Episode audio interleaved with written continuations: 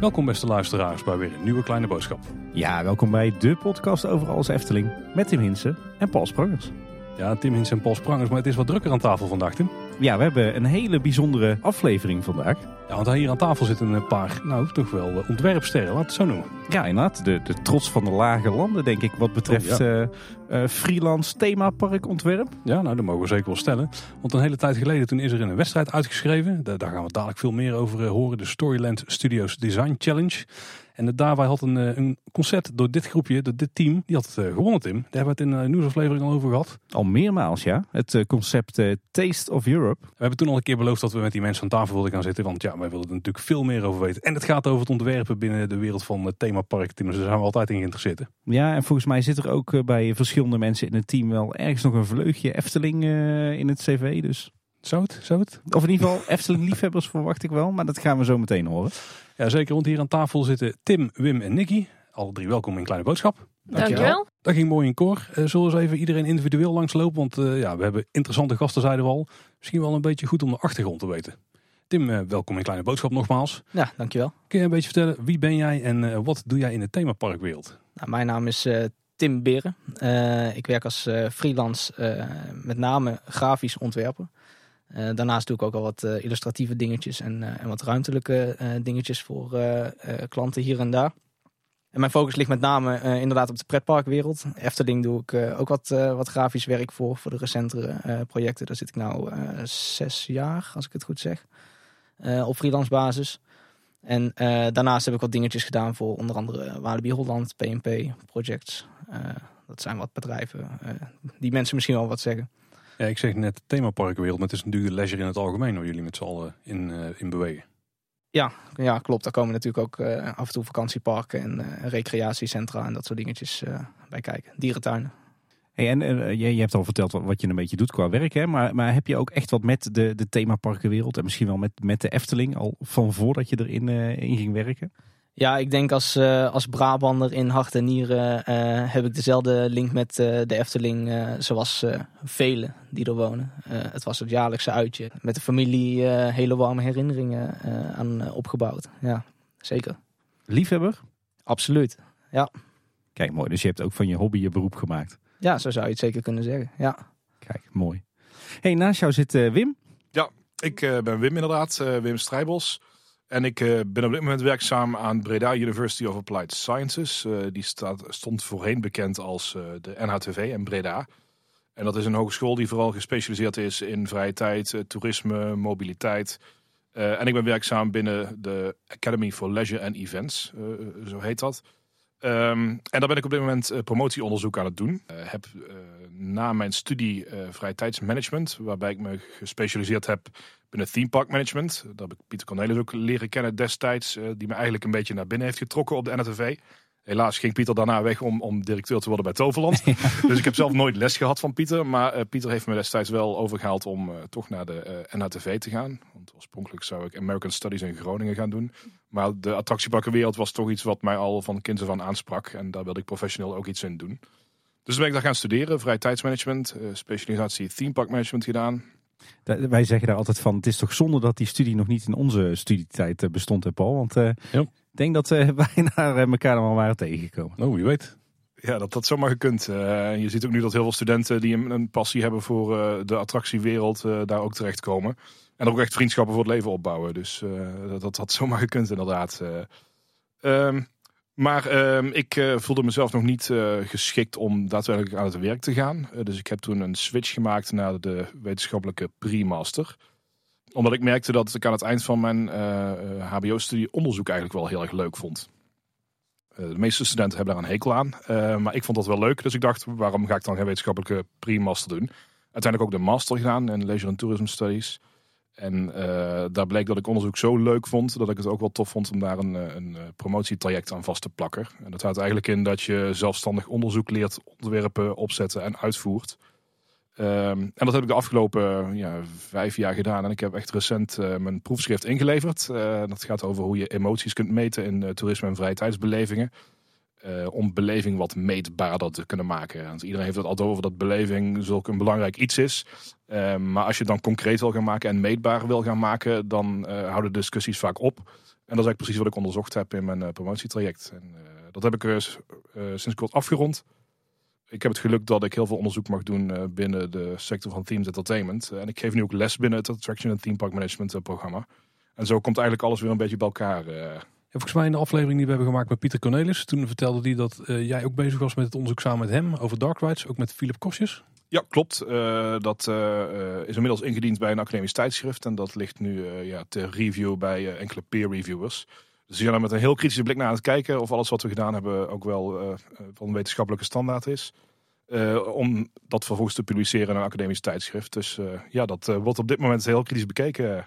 Ik voel nog twee afleveringen van Kleine Boodschappen aankomen, Wim. Ja, ja. Zeg, ik wou ook aan jou vragen, ben je Efteling-liefhebber? Maar ik meen mij te herinneren dat we ooit, toen wij eh, op zoek gingen naar eh, wat is nou eigenlijk echt Eftelings, toen vroegen we aan onze luisteraars van kom met input. En toen kregen we van jou ongeveer een boekwerk aan wat volgens jou wel en niet Eftelings was. Dus ik vermoed dat jij ook wel Efteling-liefhebber bent. Ja, al van eh, jongs af aan kom ik heel graag in de Efteling. Heel stiekem was het ook altijd wel een droom om de opvolger van Tom van de Ven te worden. Goed, ik was nog jong, ik was naïef. En eh, ik had eh, net, eh, dat was geloof ik rond het 50 jaar bestaan van de Efteling, de documentaire gezien van de tv-show waarin Tom van de Ven een interview had. Ik denk, dat wil ik worden. En dat is eigenlijk de reden geweest waarom ik me een beetje met die attractieparkenwereld eh, ben gaan bezighouden. Uiteindelijk zal het ook wel de reden zijn geweest waarom ik naar de NTV ben gegaan uiteindelijk. Ik heb toen ook stage gelopen bij Toverland op de ontwerpafdeling. En ik vond het hartstikke leuk om te doen. Maar ik merkte wel waar bijvoorbeeld een Peter van Holstein eh, binnen een kwartiertje een fantastische schets had gemaakt. Dat ik een halve dag nodig had om een tekening te maken die er een beetje eh, presentabel uitzag. Eh, dus dan heb ik toch voor mezelf de conclusie getrokken van... ja, sorry Wim, ontwerpen wordt het niet voor jou. Was een lastige conclusie, maar goed, wel eentje waar ik nog steeds wel veel profijt van heb gehad. Want dat heeft er wel toe geleid dat ik dacht van, goh, maar ik wil me wel met dat vakgebied bezighouden. Ik vind het leuk om dat op een strategische manier te doen. Onderzoek vind ik hartstikke leuk, dus waarom combineer ik dat niet op die manier? En, en daardoor doe ik nu wat ik nu doe. eh. Volgens mij hebben we daar ook een mooi haakje. Want je noemt net Toverland. En degene die eh, rechts naast zit voor ons. Die eh, kennen wij ook uit Toverland. Want Nicky de Waal, welkom een kleine boodschap ook. Ja, bedankt. Je hebt ook een aantal jaar bij eh, Toverland rondgegaan. Ook samen met eh, Wim. Ja, ja ik heb samen met Wim mogen werken aan een aantal interieurs die we hebben uitgetekend. Dus ja, dat was heel erg leuk. En ik heb vier jaar gewerkt bij Attractiepark Toverland. Onder andere aan Port Lagoon en Avalon als ontwerper. Daarnaast ook op de bouw mee mogen, mogen lopen om de decorbedrijven te begeleiden. En heel veel andere kleine projecten daarnaast nog mogen doen. En hoe ben jij bij Toverland terechtgekomen? Ook een NATV eh voortraject?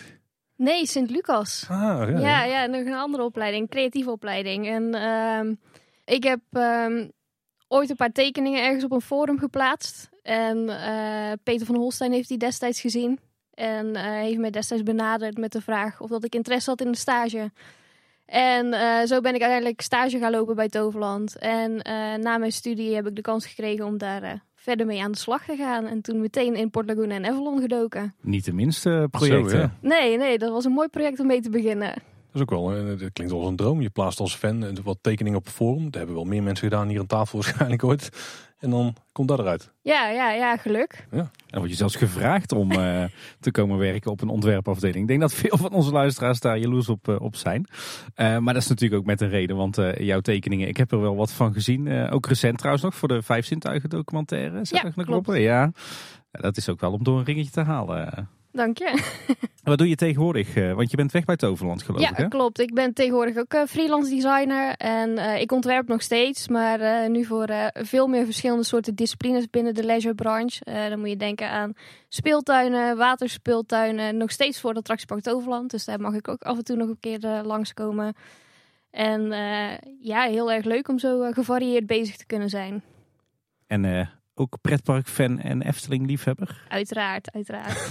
Nou, we hebben iets gezamenlijk aan tafel hier, Tim. ja, dat had ik al wel door, eh, Paul. We kunnen niet allemaal nog een halve tekening in maken dan. Maar daar hebben we in ieder geval wel gemeen. Nee, inderdaad. Er zitten een aantal mensen hier aan tafel die zijn een stuk creatiever wat dat betreft. Eh, maar ik denk inderdaad dat we allemaal wel een, eh, een liefde voor de, de themaparkwereld en de leisurewereld eh, delen.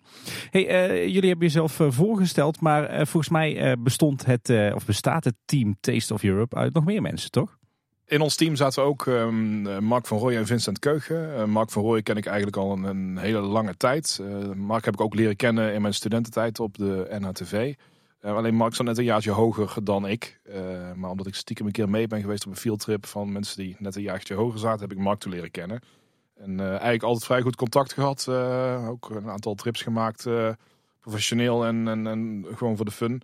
En eh, V- Vast niet eh, naar, eh, naar het strand en shoppen. nee, nee, nee, nee, helaas. helaas. Ja, of, of niet helaas. Eh, nee, allemaal wel eh, naar eh, het wereldje waar, wat ons alle hier brengt. Eh, inmiddels is Mark werkzaam bij Kinetic Creative. En daar is hij conceptontwikkelaar en eh, productinnovator. En Kinetic Creative is een bedrijf dat zich vooral bezighoudt met leveranciers in de attractieparkensector. Eh, zoals Water Games More, die heel veel waterspeeltuinen, waterattracties maakt. En eh Sweet Ice, die zich heel veel bezighoudt met ijsbanen. Kijk, ijsbanen en waterspeeltuinen. Dat vinden we ook vaak terug eh, in onze geliefde parken. Ja, dat klopt. En eh, via Mark is ook Vincent eh, bij het team gekomen, Vincent Keugen. En Vincent Keugen is ook een freelance illustrator en ontwerper. En eh, die kennen we wellicht van eh, Theme Park Science, eh, eh, de, de talkshow. Daar waar Vincent eh, een map heeft zitten maken van de discussies die daar plaatsvonden. En dat doet Vincent ook eh, zelf voor zijn eigen bedrijf. Eh, hij doet veel ontwerp van plattegronden voor attractieparken. Ja, we ronden van parken in Scandinavië, Tim. Misschien Ja. deze wel een keer tegenkomt. Ja, dus al met al een eh, team eh, van eh, vijf creatievelingen die de, de leisure sector een warm hart toedragen. De reden dat we deze aflevering opnemen is natuurlijk het resultaat van de opdracht die er lag vanwege de Storyland Studios Design Challenge. Kunnen jullie eens vertellen wat die challenge inhield? Op een gegeven moment heeft een, een ontwerpbureau uit Amerika, Storyland Studios, een wedstrijd online gezet. Het was natuurlijk coronatijd. eh, Veel creatief personeel zat zonder werk. Dus Storyland Studios heeft eh, de mensen uit willen dagen om eh, met een, een creatief vernieuwend ontwerp te komen voor een immersive experience. Ehm, Lekker en, breed. lekker breed. eh, lekker de bullshit bingo ook, om die termen erin te gooien. Maar da- daardoor werd het wel vrij breed en was het wel duidelijk dat het voor de themed entertainment sector ging spelen. En eh, het was eigenlijk een vrij open opdracht. Eh, kom met een vernieuwend ontwerp dat vooral heel erg innovatief is, heel erg immersive en realiseerbaar. Volgens mij zaten er nog een aantal aspecten aan van duurzaamheid moet goed zijn, weinig impact op de omgeving. En die opdracht stond eigenlijk al heel lang open. En Mark had het er wel eens met me over gehad. Van, goh, zou het niet tof zijn als we daar met een team iets aan mee kunnen doen. Volgens mij heeft Nicky toen eh, los van mijn contact met Mark, eh, met Tim gesproken van, goh, we moeten eigenlijk eens een keer een team eh, verzamelen om daar aan mee te doen. En toen heeft Mark Vincent er ook nog bij betrokken. En Mark heeft toen een keer met Nicky gesproken. En zo kwamen eigenlijk alle vijf bij elkaar tot één team. Een keer los daarover gehad. eh, van, goh, zou het niet tof zijn om daar aan mee te doen? Maar op een gegeven moment stond er een deadline voor inschrijving. En na die deadline moest je, geloof ik, 1000 euro inschrijfgeld betalen. Nou, volgens mij was het 100. Of 100 euro inschrijfgeld. Ja, anders hadden ze er goed aan ja, verdiend ja, met al die precies, inschrijvingen. En eh, toen, Het voelde voor jou als 1000 euro, eh, eh, eh, het voelde als een flinke som in elk geval. eh. Eh, maar toen hadden we zoiets van, eh, ja, we willen toch wel meedoen, maar we hebben geen zin om die 100 euro te betalen. Dus eh, laten we nu anders ons inschrijven als team, maar dan gaan we er ook echt serieus mee aan de slag. En eh, toen zijn we er eigenlijk mee begonnen. Want eh, jullie, het was niet zo dat jullie met z'n vijven al bevriend waren. Jullie, iedereen kende wel iemand, maar jullie, jullie waren nog nooit zo met z'n vijven samen geweest. Nee, niet echt. Nee. Eh, ja, toevallig waren Nicky en ik al in onze vrije tijd eh, bezig met een portfolio-projectje eigenlijk. En daar lag eigenlijk al het een en ander voor ook. En die samenwerking die ging eigenlijk wel heel erg goed. Dus die link die lag er. En eh, ja, Wim die had dan eh, contact met, eh, met Mark en Vincent, als ik het goed heb. Ja, dat klopt. Dus eigenlijk is het op die manier bij elkaar gekomen. Ik kan me voorstellen dat de eerste keer dat je dan bij elkaar aan tafel gaat, dat het waarschijnlijk eh, tien uur lang gaat over, diep, over pretparken en attracties. En eh, Nou, dat viel eigenlijk wel mee. eh, want we zaten er eigenlijk redelijk eh, professioneel in. En, en doordat we elkaar wel kenden, eh, hadden we dat gesprek al een keer gehad, denk ik. Eh. Dus we gingen er eigenlijk eh, van meet af aan eigenlijk redelijk serieus mee aan de slag. Eh, en eh, ja, natuurlijk wel even een kort voorstelrondje gedaan, omdat we niet iedereen kende elkaar even goed.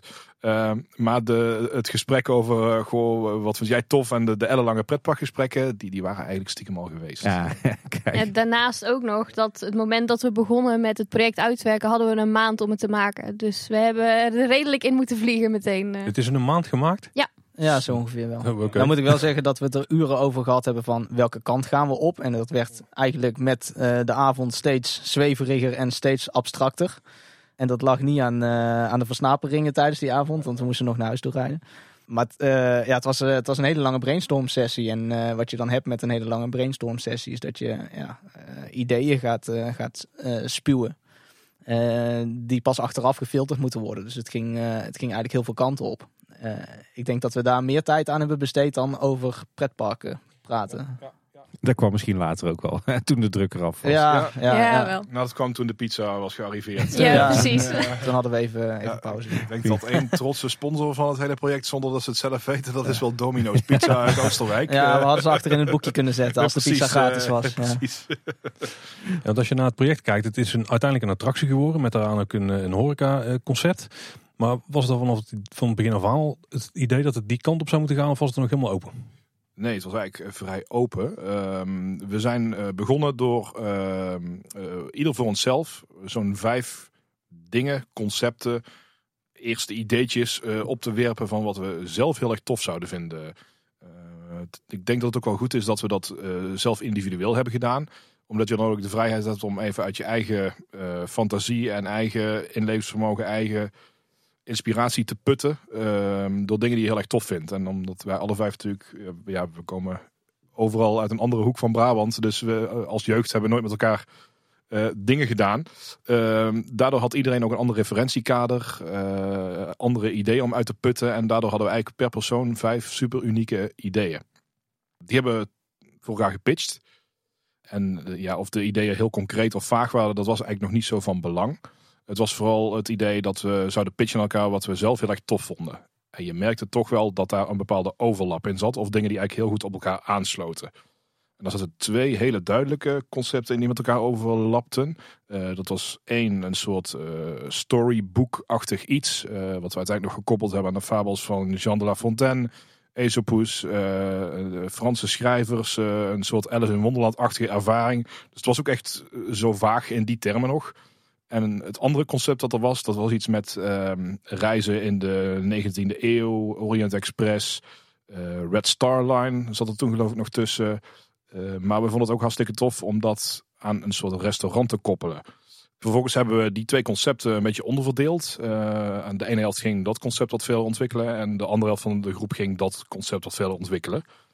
Eh, en toen hebben Nicky en Tim, geloof ik, aan het eh, food eh 18th century travel idee gewerkt. Ja, klopt. En, ja, in eerste eh, instantie ja, was het zelfs nog het idee om er echt een restaurant experience van te maken zelfs. Ja, bijna een soort oude cruise. Dat je het oude cruiseschip opging en dat je daar ging dineren en daar eh, de cruise kon gaan ontdekken. Ja. Zonder dat je daadwerkelijk de haven uitging. Ja, Ik, ja, ik, ben, ik ben wel benieuwd, want eh, hè, als, je, als je denkt aan zo'n zo'n zo'n ontwerpwedstrijd en het gaat om een, een, een immersive experience, denk je toch snel denk ik aan een attractie. En dan komt die Dark Ride weer en die droptoren. Maar hoe, hoe kwam, kwam bij jullie dat, dat, dat food eh, aspect er zo in? Waar, waar kwam dat vandaan? Want dat is best wel vernieuwend, toch? Ja, eigenlijk hadden we die eh, in de brainstorm kwam die gewoon al een paar keer eh, eh, best wel groot terug. En ook omdat we juist het idee hadden van iedereen die komt met een drop tower. Of iedereen komt met een achtbaan type of met een interactieve attractie die nog niet ontwikkeld is. Hadden wij zoiets van waarom is een restaurant geen attractie? Dat is toch wel een essentieel onderdeel van je dagje uit. lekker eten. En waarom zou je dat niet nog aantrekkelijker maken of nog exclusiever maken? Wat we daar ook heel interessant aan vonden, eigenlijk aan het, aan het thema reizen, was dat je eh, ergens opstapt en ergens anders ook weer uitstapt. Eigenlijk wat je in, eh, eh, in Disney heel goed ziet bij Galaxy's Edge, Rise of the Resistance, de attractie. Je hebt echt het idee, je stapt op op een planeet en je legt een reis af. Je stapt in een ruimteschip weer uit. En het idee van een restaurantervaring in combinatie met reizen was dan eigenlijk ook dat je op een oude boot, bij wijze van, in zou stappen. Eh, met echt deining van de zee.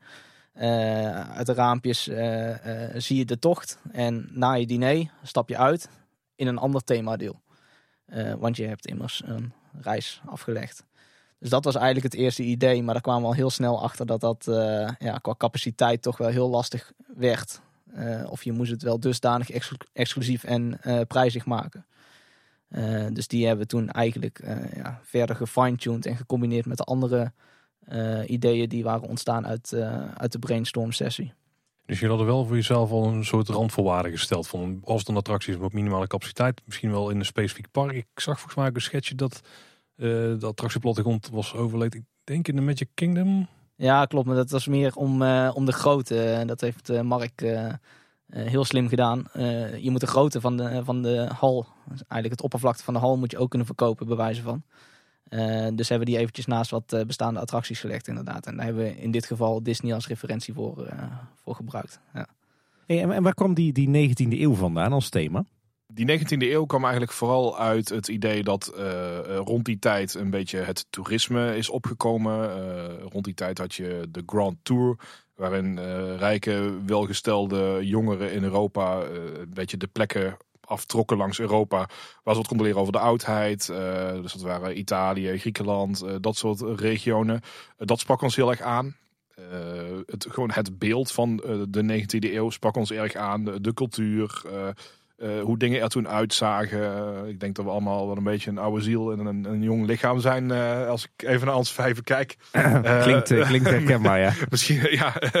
Ehm, dus de- je verlangt sowieso terug naar wat oudere tijden. Ik denk dat dat misschien ook wel een van de factoren is waarom we attractieparken allemaal zo interessant vinden. Dus, dus dat hele beeld van in een andere tijd, die we zelf prikkelend en enthousiast vinden, kwam daarbij naar voren.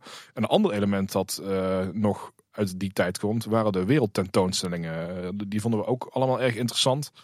En zo klonk het eigenlijk als iets van: oké, eh, dat vinden we interessant. eh, Die Grand Tour vinden we interessant. Dat tijdsbeeld vinden we interessant. Waarom doen we niet gewoon iets met die 19e eeuw?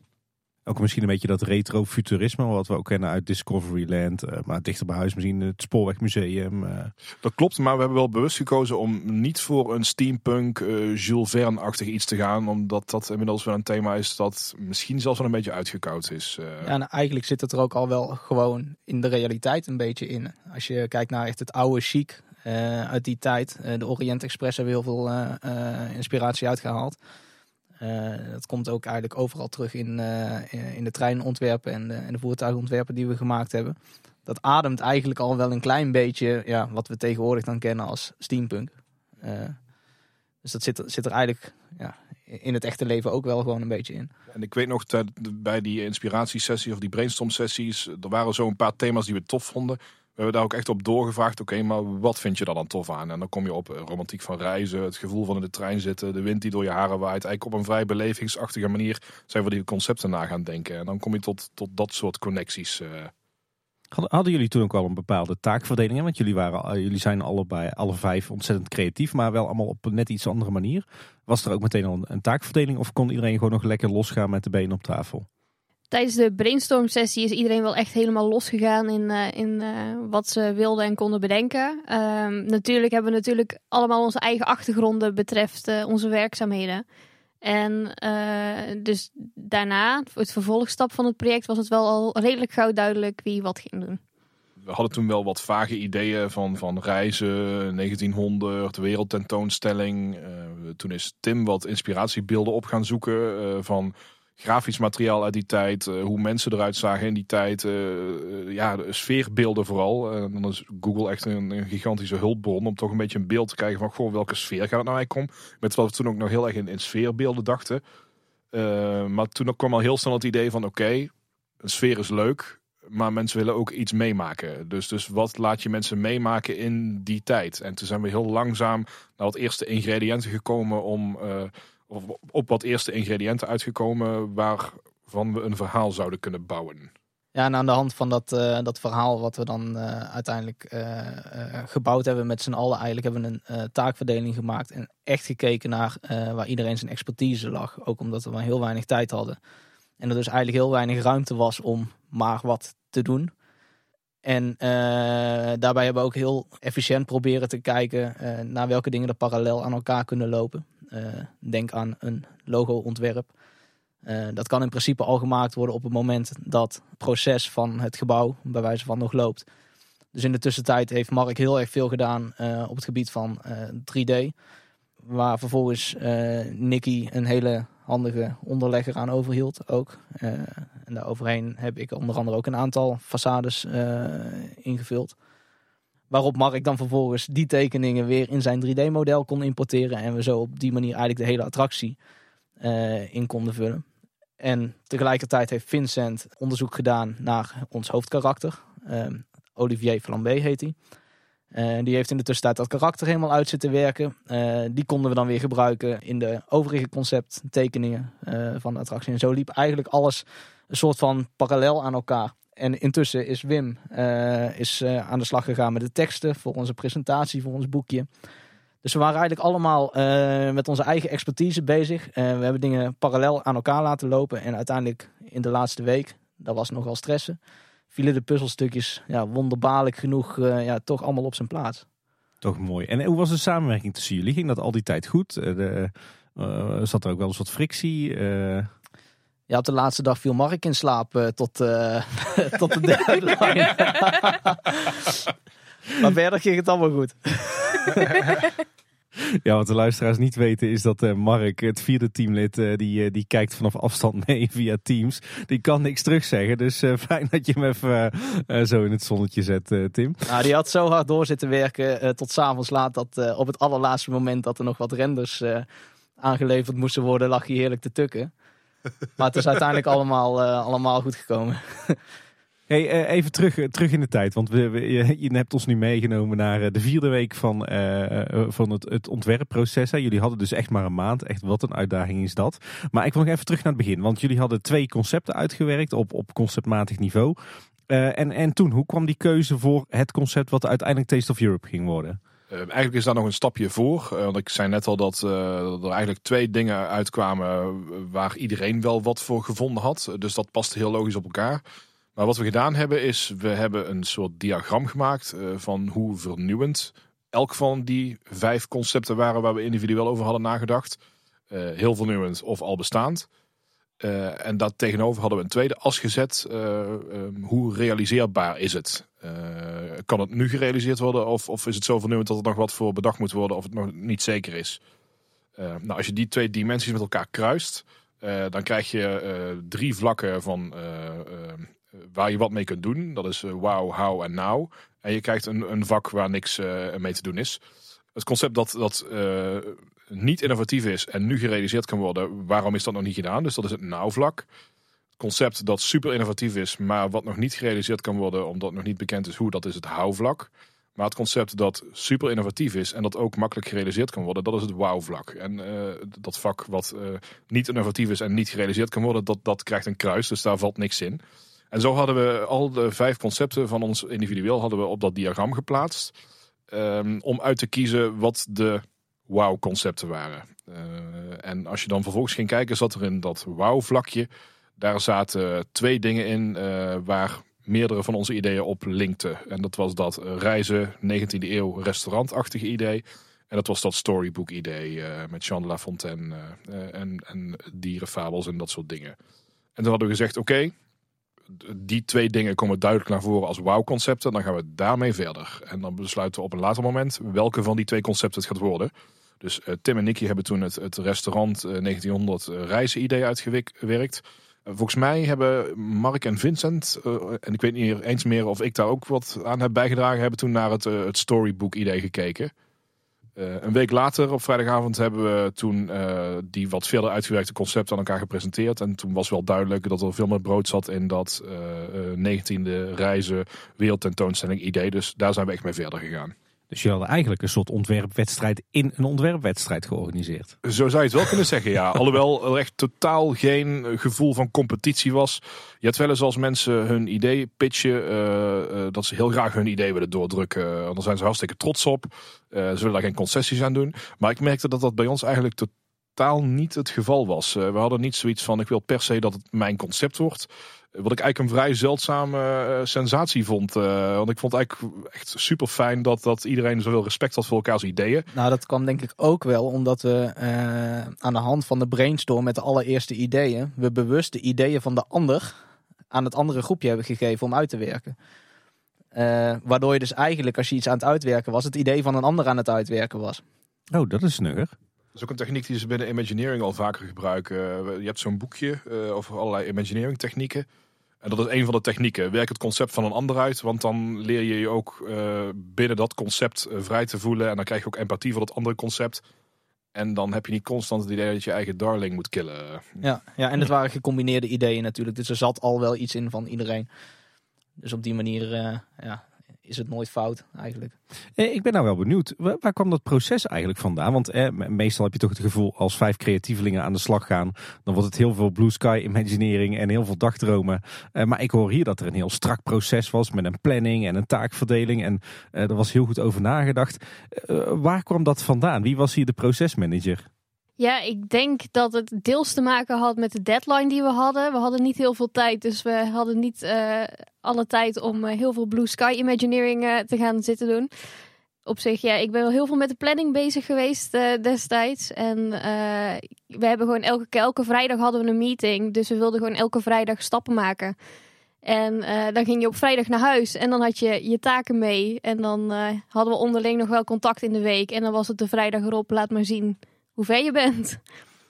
Maar dat was dus wel allemaal naast jullie reguliere werk. Ja, dat klopt. Ja, Dus, eh, wel met de side note dat het 2020 was eh, op dat moment. het, het was 2021. Ja, nou ja, goed. Het was, het was toen nog wat rustiger dan dat het nou is. Eh, nou, het, het was 2021. Eh, veel van ons zaten thuis. We waren thuiswerken zat. Eh, dus, dus dan was dit toch een mooie gelegenheid om zo op de vrijdagavond toch met z'n allen bij elkaar te kunnen gaan zitten. En ja, er waren geen restaurants open. Ja, er was geen café open waar je even lekker met elkaar los kon gaan op een paar brainstorm ideeën. Maar wel de Eh, domino pizza's. Domino's pizza's. heb je ze weer. Heb je ze Ja, weer. ja, Maar eh, het, het was wel echt hobby dan. Het voelde niet als werk. Of? het was echt hobby. eh, Ja. ja. het was ook echt elke vrijdagavond was gezellig en leuk. En eigenlijk gewoon een paar vrienden die samenkwamen om wat leuks te maken. Hey, maar weer even terug naar het, eh, het proces. Eh, jullie hadden eh, eh, twee concepten uitgewerkt. Eh, niet je eigen concept, maar eigenlijk het concept van de ander. Dat hadden jullie gepitcht aan elkaar. En toen? En toen was het eigenlijk vrij duidelijk eh, dat iedereen heel erg aansloeg op dat eh, reizen 19e eeuw wereldtentoonstelling idee. Daar we ook veel meer mogelijkheden. En het concept rondom dat storybookverhaal bleef toch nog wat vaag. Was wat minder duidelijk concreet te maken. Dus uiteindelijk hebben we toen besloten om voor het eh, reizen 19e eeuw wereldtentoonstelling eh, concept te gaan. eh. Nou, we- hebben jullie booklet gezien, dus dat is uiteindelijk hetgeen dat is gepresenteerd aan, aan de organiserende organisatie. Maar hoe kom je dan tot dat uiteindelijke eindproduct? Want jullie hadden op dat moment nog geen idee over het systeem, misschien niet heel concreet. Eh, er zitten nog wel meer elementen aan het concept. Hoe ben je dan tot die elementen gekomen? Dat zijn elementen die we eigenlijk allemaal heel bewust een beetje hebben uitgesteld. eh, omdat we het conceptueel en verhaaltechnisch eerst heel helder wilden krijgen. Dus onze volgende stap eh, was niet om al, al heel erg concreet in termen van producten te gaan denken. Maar we wilden heel graag een verhaal koppelen. of in ieder geval een, een logische lijn van gebeurtenissen die gasten zouden kunnen meemaken aan een attractie. Eh, binnen dat sfeerbeeld dat we hadden gecreëerd met dat eh, concept van 19e eeuw reizen, wereldtentoonstelling, et cetera. Dus wat we toen gedaan hebben is, eh, en dat is de, de moeilijkste avond in het hele proces geweest, denk ik, is om tot een verhaal te komen waar iedereen achter stond, wat ook helder was en waarvan wij dachten dat dat aan zou kunnen slaan op potentiële gasten aan deze attractie. Ehm, eh, dat is een hele moeilijke avond geweest, omdat je graag een verhaal wil hebben dat aanslaat bij iedereen. Maar tegelijkertijd is het soort, ook een soort, ja, een, een soort lijm dat al die elementen, eh, of een lijm die al die elementen die je hartstikke tof vindt, op een logische manier aan elkaar moet koppelen. Dus eh er werden toen losse vlodders eh, geschoten. We hebben gekeken naar wat soort verhalen er bij die tijd passen. Dan kom je toch uit op Jules Verne. We hebben toen het, het idee nog gehad van er een soort race van te maken tussen twee protagonisten en antagonist. Eh, over wie de beste uitvinding zou hebben voor die tijd. Ehm, eh, ja, we zijn zo een hoop dingen zijn de revue gepasseerd. En uiteindelijk kom je dan op bepaalde verhaallijnen waar iedereen wel enthousiast van wordt. En dan is het echt sleutelen dat alles goed in elkaar past. Dat hadden we die avond niet bereikt. Maar de losse elementen waar we allemaal heel erg enthousiast van worden, eh, die, die hadden we wel vastgesteld. Uiteindelijk heb ik toen eh, heel veel avondjes in Word zitten werken. En dan, dan pas je nog wat aan, dan ga je dingen verplaatsen. eh, totdat er uiteindelijk een logisch iets uitkomt. Dat heb ik toen voorgelegd bij de groep. Dan ga je er weer aan sleutelen. Tot er uite- uiteindelijk iets, achterkomt, of iets uitkomt waarvan je denkt van ja, dat zou wel eens kunnen werken. En toen hebben we dat verhaal in vijf stukken geknipt. En toen heeft ieder van ons eh, daar een storyboard bij moeten maken. En een storyboard is eigenlijk een heel simpele, een soort striptekeningachtige versie van wat een gast allemaal mee gaat maken in de attractie. Dat storyboard hebben we vervolgens weer allemaal eh, aan elkaar gelegd. Toen zijn we voor de laatste keer gaan schuiven, dingen eruit gaan knippen, dingen naast elkaar gaan leggen om te zien wat wel zou werken, wat niet zou werken. En toen hebben we gezegd, oké, dit is het storyboard, dit gaat het worden en daar gaan we niks meer aan veranderen, want hier staan we met z'n allen achter. Kon ook niet meer, want we zaten al vrij laat in het traject. Dus als daar nog dingen aan zouden gaan veranderen, zou dat gevolgen hebben voor de ontwerpen die er gemaakt zouden worden. Dus ik, ik denk dat ik nog steeds die, die, die avond, waarbij dat storyboard echt in steen werd gebeiteld, dat dat misschien wel de belangrijkste avond is geweest in het hele ontwerpproces. Ja, eens. En op welk moment zaten jullie toen in de vier weken die je had? Oh, dit was O- zeker al in de, over de helft. Dus zeker Ja. in de tweede ja. week. Ja, Ja. ja. Ja. En toen was, toen was er eigenlijk nog niks echt concreets uitgetekend, dus uitgewerkt. Nee. Nee. Ik denk dat dit wel een goed moment is voor een pas op de plaats. Want ik denk dat, dat veel van onze luisteraars het, het, het concept Taste of Europe nog niet zullen kennen. Kunnen jullie ons eens meenemen in het uiteindelijke verhaal? Eigenlijk omdat we eh, eh, hetgene wat we interessant vonden aan, eh, aan het eh, thema reizen, was eigenlijk dat je je van, ja, van plaats naar plaats eh, verplaatst. Verplaatst. Dus dat wilden we eigenlijk ook heel duidelijk terug laten komen in, eh, in de attractie. En eh, ik denk dat een essentieel onderdeel daarvan is dat je niet in één voertuig stapt en aan het einde weer uitstapt. Want je maakt dan wel een reis, maar je komt weer op de plek van eh, waar je, eh, of je komt er op de plek uit waar je bent ingestapt. En zeker ook omdat we eh, de combinatie hadden met, met een restaurant, leek het ons heel interessant om juist meerdere ja, ritonderdelen eigenlijk samen te voegen in, in die attractie. Dus wat we toen hebben gedaan is een, een concept uitgewerkt waarbij je in een karretje stapt. Heel onbied, oneerbiedig gezegd, maar je stapt in principe in een eh, voertuig. Eh, je legt een reis af, je stapt halverwege uit. Je hebt daar een stuk walkthrough waar je zo lang kan blijven als dat je zelf wil. Eh, waar ook wat ja, dingen te ontdekken zijn. Eigenlijk een indoor ja, stukje pretpark, kunnen we wel zeggen, denk ik. En vanaf daar kan je, wanneer het jou uitkomt, je reis weer vervolgen in datzelfde ritssysteem. Eh, die ook de mogelijkheid biedt om bijvoorbeeld een stukje achtbaan eh, eh, trek toe te voegen aan de attractie. Dus hij eindigt met de climax. En zo hebben we de attractie eigenlijk met elkaar verbonden. Eigenlijk alle verschillende concepten en ideeën en, en verhaallijnen. Ja, klopt. En, en we wilden wel een, een soort reden vinden van waarom zou je nou in godsnaam op een trein stappen, naar een ander land reizen, daar wat doen en vervolgens weer terugkeren. Dus uiteindelijk zijn we toen met, het denkende vanuit die tijdgeest gekomen met een soort, eh, ja, soort eh, uitvinder, een soort culinair uitvinder, die het idee had om een machine te maken waarmee die allerlei smaken die de wereld nog nooit had gezien kon combineren tot nieuwe gerechten. Maar die gast had zo lang aan zijn machine zitten sleutelen dat hij vergeten was om zijn ingrediënten bij elkaar te verzamelen. Alleen hij wilde die machine heel graag presenteren op de wereldtentoonstelling. Alleen die was dus al vrij snel. Dus de reden dat gasten in die attractie zouden stappen was dus om gehoor te geven aan het verzoek van die culinair uitvinder. In dit geval was dat dus Olivier Flambé. Om op reis te gaan naar allerlei uithoeken van de wereld, ingrediënten te verzamelen en die mee terug te nemen naar eh, eh, Parijs, Montmartre, waar hij zijn restaurant hield zodat hij op tijd zijn machine kon presenteren op de wereldtentoonstellingen en zo een succesvolle uitvinding kon presenteren aan het publiek. Nou, eh, heel toevallig gaat deze groep eh, bezoekers dan naar hetzelfde land toe. Eh, in dit geval was dat Budapest.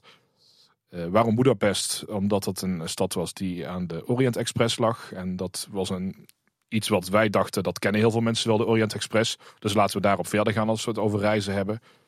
Vervolgens ontstond het idee, ja, maar het is wel een beetje sneu als je dan naar Budapest gaat en meteen weer terug. Dus waarom als we gasten nou niet in dat walkthrough gedeelte, waar mensen dus zijn uitgestapt, bijvoorbeeld naar Venetië laten lopen. Natuurlijk, je loopt niet makkelijk van Budapest naar Venetië, maar dat moet je een beetje metaforisch zien.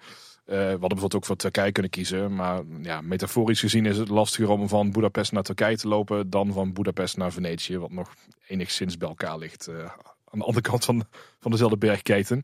Als ik er nu aan terugdenk, dan is het wel een beetje storytelling. eh, maar goed, dat, goed, dat hoort er ook bij. Het, ja, het is voor een wedstrijd.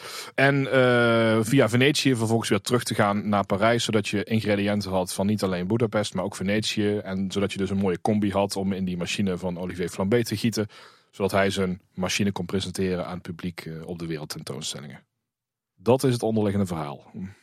En dan heb je dat verhaal, dan is dat uitgewerkt in, eh, in een storyboard. Hè. Dus in dat storyboard zien we wat de gast van jullie attractie gaat meemaken.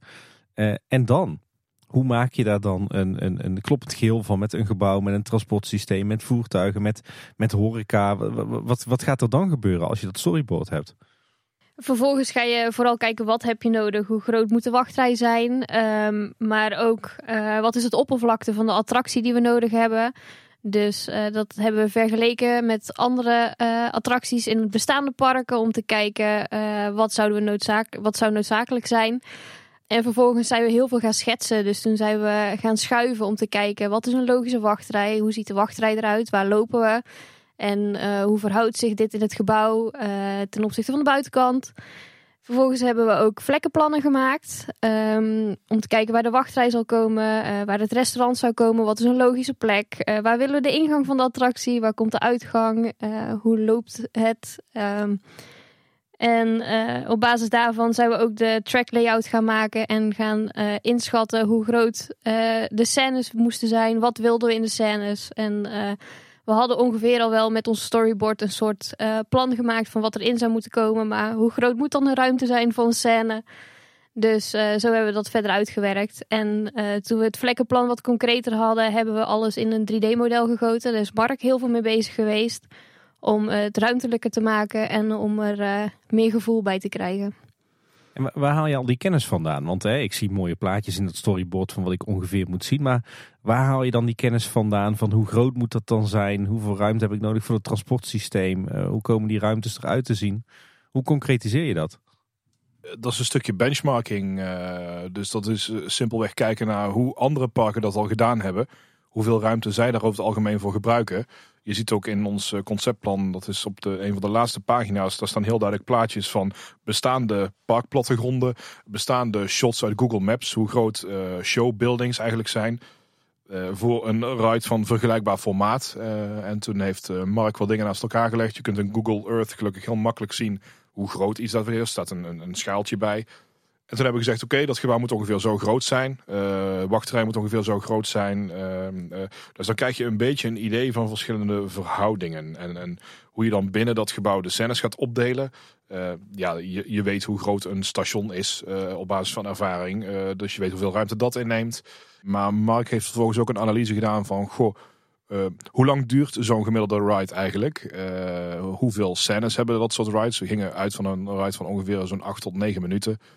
Eh, gemiddelde dark ride tijd. Eh, als je dan kijkt naar dark rides die zo lang duren, hoeveel scènes hebben die? In wat voor gebouwen zitten die? En zo heb je een beetje een redelijk beeld van al bestaande attracties waar je naar kunt kijken. En eh, ja, dan is het niet moeilijk om te zeggen, zo groot is dat gebouw, dus dan moet dat gebouw van ons ook zo groot zijn. En zo zijn we dat eigenlijk een beetje vergelijkenderwijs uit gaan voeren. Als we nou kijken naar de uiteindelijk uitgewerkte plannen, dan gaan jullie misschien wel heel snel voorbij aan eh, een van de meest interessante elementen eraan, vind ik zelf. En dat is het ride systeem. Want dat is echt eh, volledig uniek. Dat bestaat nog niet op de wereld. Dat zit echt in het, uh, waar zit het dan? Is het dan snel realiseerbaar? Ja, er zijn wel, ja, dat is misschien nog twijfelachtig dan. Ja, ja, ja. mensen zo Ik denk dat een engineer er nog eens heel goed naar moet kijken. Ja, precies. Maar hoe ben je tot het ruitsysteem gekomen? Want het wordt ook echt op verschillende manieren ingezet, terwijl het wel continu eigenlijk dezelfde bank is waar je in zit. Nou, de reden dat ik daar nog niet over, of dat we daar nog niet over begonnen zijn, is omdat we daar in deze fase van het concept ook nog totaal niet mee bezig Nee? waren. Nee, nee. Dat Dat klinkt heel gek. We hadden wel het idee, we willen twee verschillende manieren van reizen. Eh, dus we zaten eerst nog op een, een zeppelin versus een trein versus een hangglider. Eh, da- daar waren we toen nog totaal niet mee bezig. We hadden het idee, we willen eh, gaan reizen in een, een klassiek voertuig.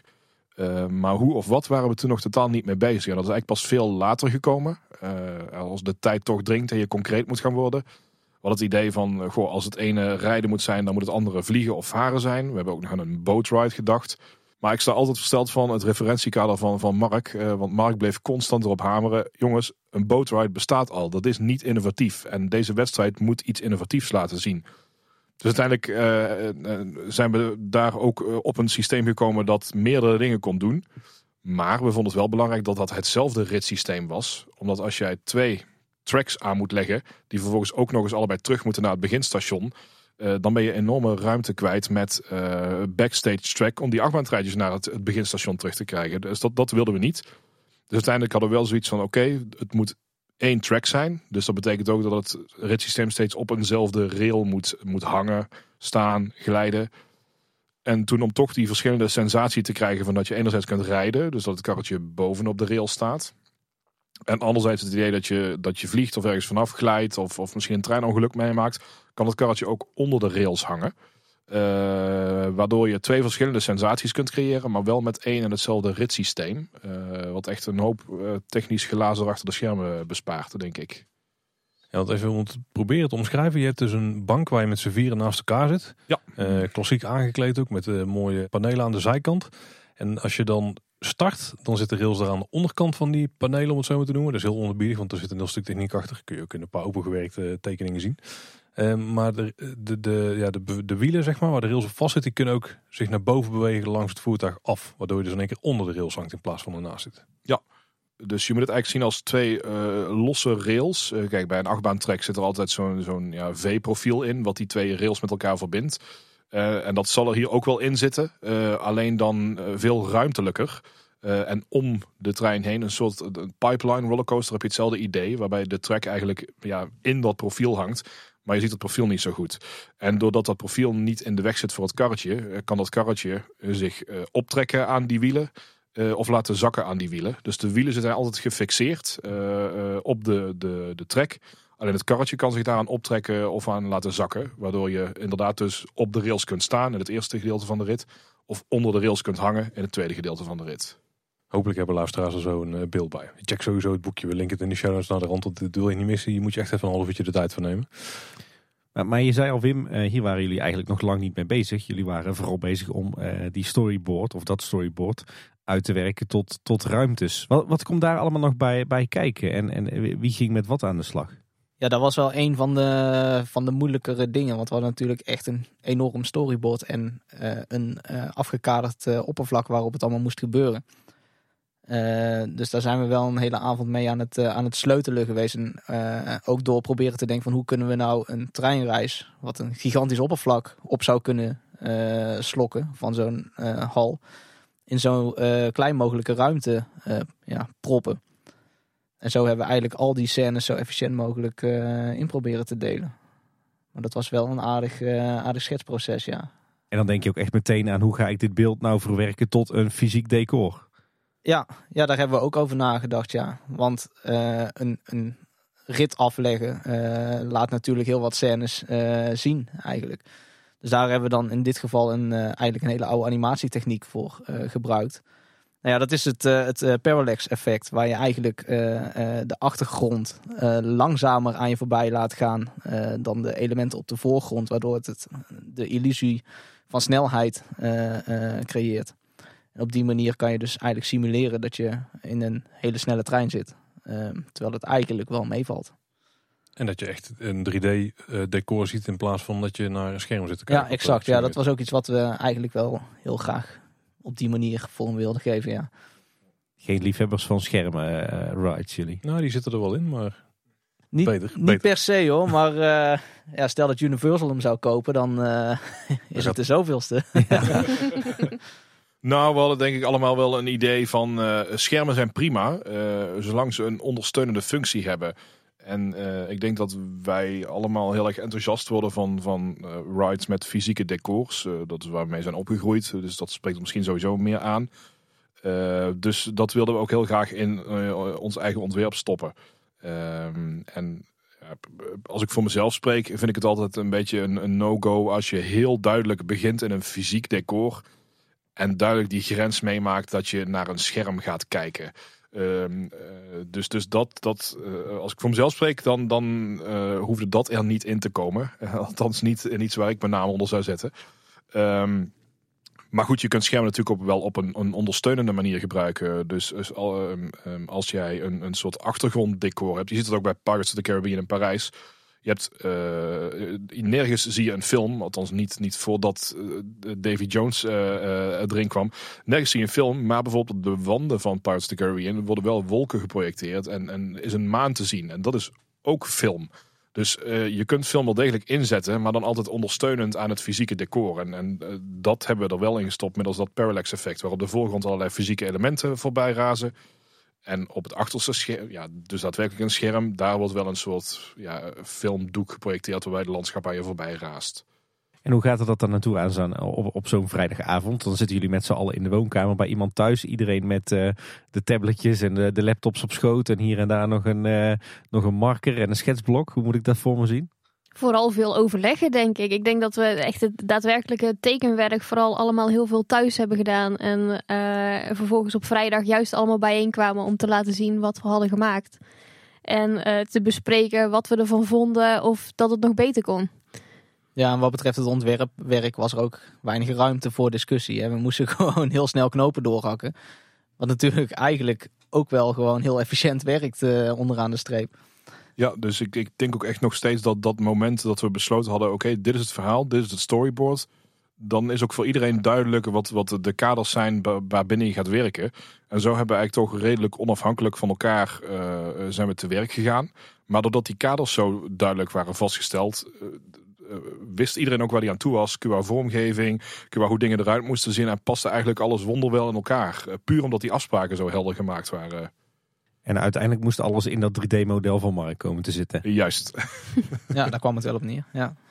Jullie hebben dus eerst van die uh, effecten zoals het parallax, uh, de treinrit uiteindelijk is dat geworden natuurlijk, bedacht voordat het ride systeem dus bekend was? Of? Ja, eigenlijk wel. Ja, en later kwamen we dan, uh, want in eerste instantie hadden we het idee om echt een fysieke uh, treinwagon in de attractie te proppen. Maar daar kwamen we uh, al snel achter dat dat ding natuurlijk ook weer terug moest naar zijn startpositie. Uh, dus die hadden we eigenlijk al liggen inderdaad. En om op basis van het nieuwe ritssysteem toch die treinwagon te simuleren... hebben we eigenlijk een systeem bedacht waarbij je de complete ombouw van de wagon... eigenlijk om het ja, ritssysteem heen kan klikken. En die rijdt op dezelfde snelheid met jou mee. Waardoor je op dat moment in principe gewoon in die wagon zit. En die blijft vervolgens achter in de spoortunnel. En op het moment dat je die spoortunnel uitrijdt, uh, uh, ja, is, is het wagondeel verdwenen. En zit je dus in een ander eh, voertuig. Maar dat zijn natuurlijk beslissingen die je pas neemt nadat het ride systeem er is. Dus zit er op dat punt ongeveer al dat die beslissing was genomen? Of hebben jullie ja. altijd al meer effecten uitgewerkt van tevoren die later terug zijn gekomen? als ik kijk naar hoe het werk zijn gegaan, is dat eigenlijk ook door eh, de manier waarop een gast door de attractie loopt. We, we zijn eigenlijk begonnen met de façades aan de buitenzijde van de attractie. Tim heeft daar op een gegeven moment, uh, kwam die ineens met de visual op proppen van uh, zo ziet het restaurant van Olivier Flambé eruit aan de buitenkant. En dat hadden we allemaal zoiets van, uh, ja, ja, dat klopt eigenlijk wel. en, en Nicky is toen aan de slag gegaan met de wachtrij. Het idee was, Olivier Flambé introduceert zijn verhaal aan je in de knutselruimte van zijn eigen restaurant. Maar goed, dan moet je dat restaurant wel binnenkomen. En je loopt via het restaurant de keuken in om uiteindelijk bij zijn werkplaats uit te komen. Nou, toen is, is Nicky volgens mij gewoon eh, die keuken gaan vormgeven. Uh, een hoop objecten erin gepropt. En dat uiteindelijk gaan visualiseren, of niet, uh, Nicky? Ja, dat klopt. Ik, dus lag al een 3D-model van Mark, waar ongeveer de, het formaat van de wachtrij in uitgewerkt was. Dus ik ben daarin gaan stoeien met een logische indeling te maken. Je begint eigenlijk in, in de hal van de, het huis van Olivier Chamblay. Die woont boven. Je ziet de trap. Vervolgens loop je door de gangen heen richting het restaurant van hem. En uh, ga je uiteindelijk aan het einde van de gang ga je een deur in en dan kom je in de keuken uit. Dan kun je tussen alle ovens en pannen kun je heen lopen. Door de vriezer heen, sorry. Ja, ook door de vriezer heen. En um, vervolgens kom je dan inderdaad terecht in eigenlijk de opslag slash werkkamer van uh, Olivier Flambé. Waar je vervolgens ook uh, zijn uitvinding ziet staan. Het is een soort voorshow uh, die daar plaatsvindt. Want ik begreep dat uh, daar staat dan het apparaat waar hij aan het sleutelen is. Ja, het is eigenlijk de onthulling van, uh, van de machine die Olivier bedacht heeft, ja. En er is ook een stukje, echt een stukje voorshow dan, waar je even stil moet staan en waar die onthulling plaatsvindt. Ja, klopt. nadat je eigenlijk in de, de keuken hebt staan wachten, wordt je de voorshow ingelaten. Dus eigenlijk de, de werkplaats van Olivier en de opslag is de voorshow. Uh, daar ligt uh, een, een, ruimte, dus uh, de wachtrij is in twee opgesplitst. En de gasten kunnen om een, om een groot doek heen gaan staan. Waarvan je kan zien dat er iets om, omheen gebeurt of iets onder ligt. Um, vervolgens vertelt Olivier zijn verhaal waar hij mee bezig is. dat wordt door middel van projecties geprojecteerd op het doek. waarbij uiteindelijk hij de machine aan ons voorstelt. Dus het doek gaat omhoog en we zien de machine staan. En uh, daarbij legt hij uit dat uh, inderdaad, uh, wat we al zeiden, hij um, de ingrediënten nog nodig heeft. Dus vervolgens eh, vraagt hij ons om via de steeg richting het station te lopen. Om op de trein te stappen om eh, de ingrediënten te gaan zoeken. Dus we hebben nu de voorshow gehad. Kunnen we dan door naar eh, de vervolg van de route die we gaan afleggen? Ik, voor mijn gevoel komen we dan uit eh, in het opstapstation, toch? Ja, dat klopt. Eh, en we hebben daarvoor eh, gekeken naar Gare d'Orsay. Dat is eh, tegenwoordig een museum. Musée d'Orsay. Maar dat is destijds een station geweest dat speciaal voor de wereldtentoonstelling gebouwd is. De precieze wereldtentoonstelling weet ik niet meer.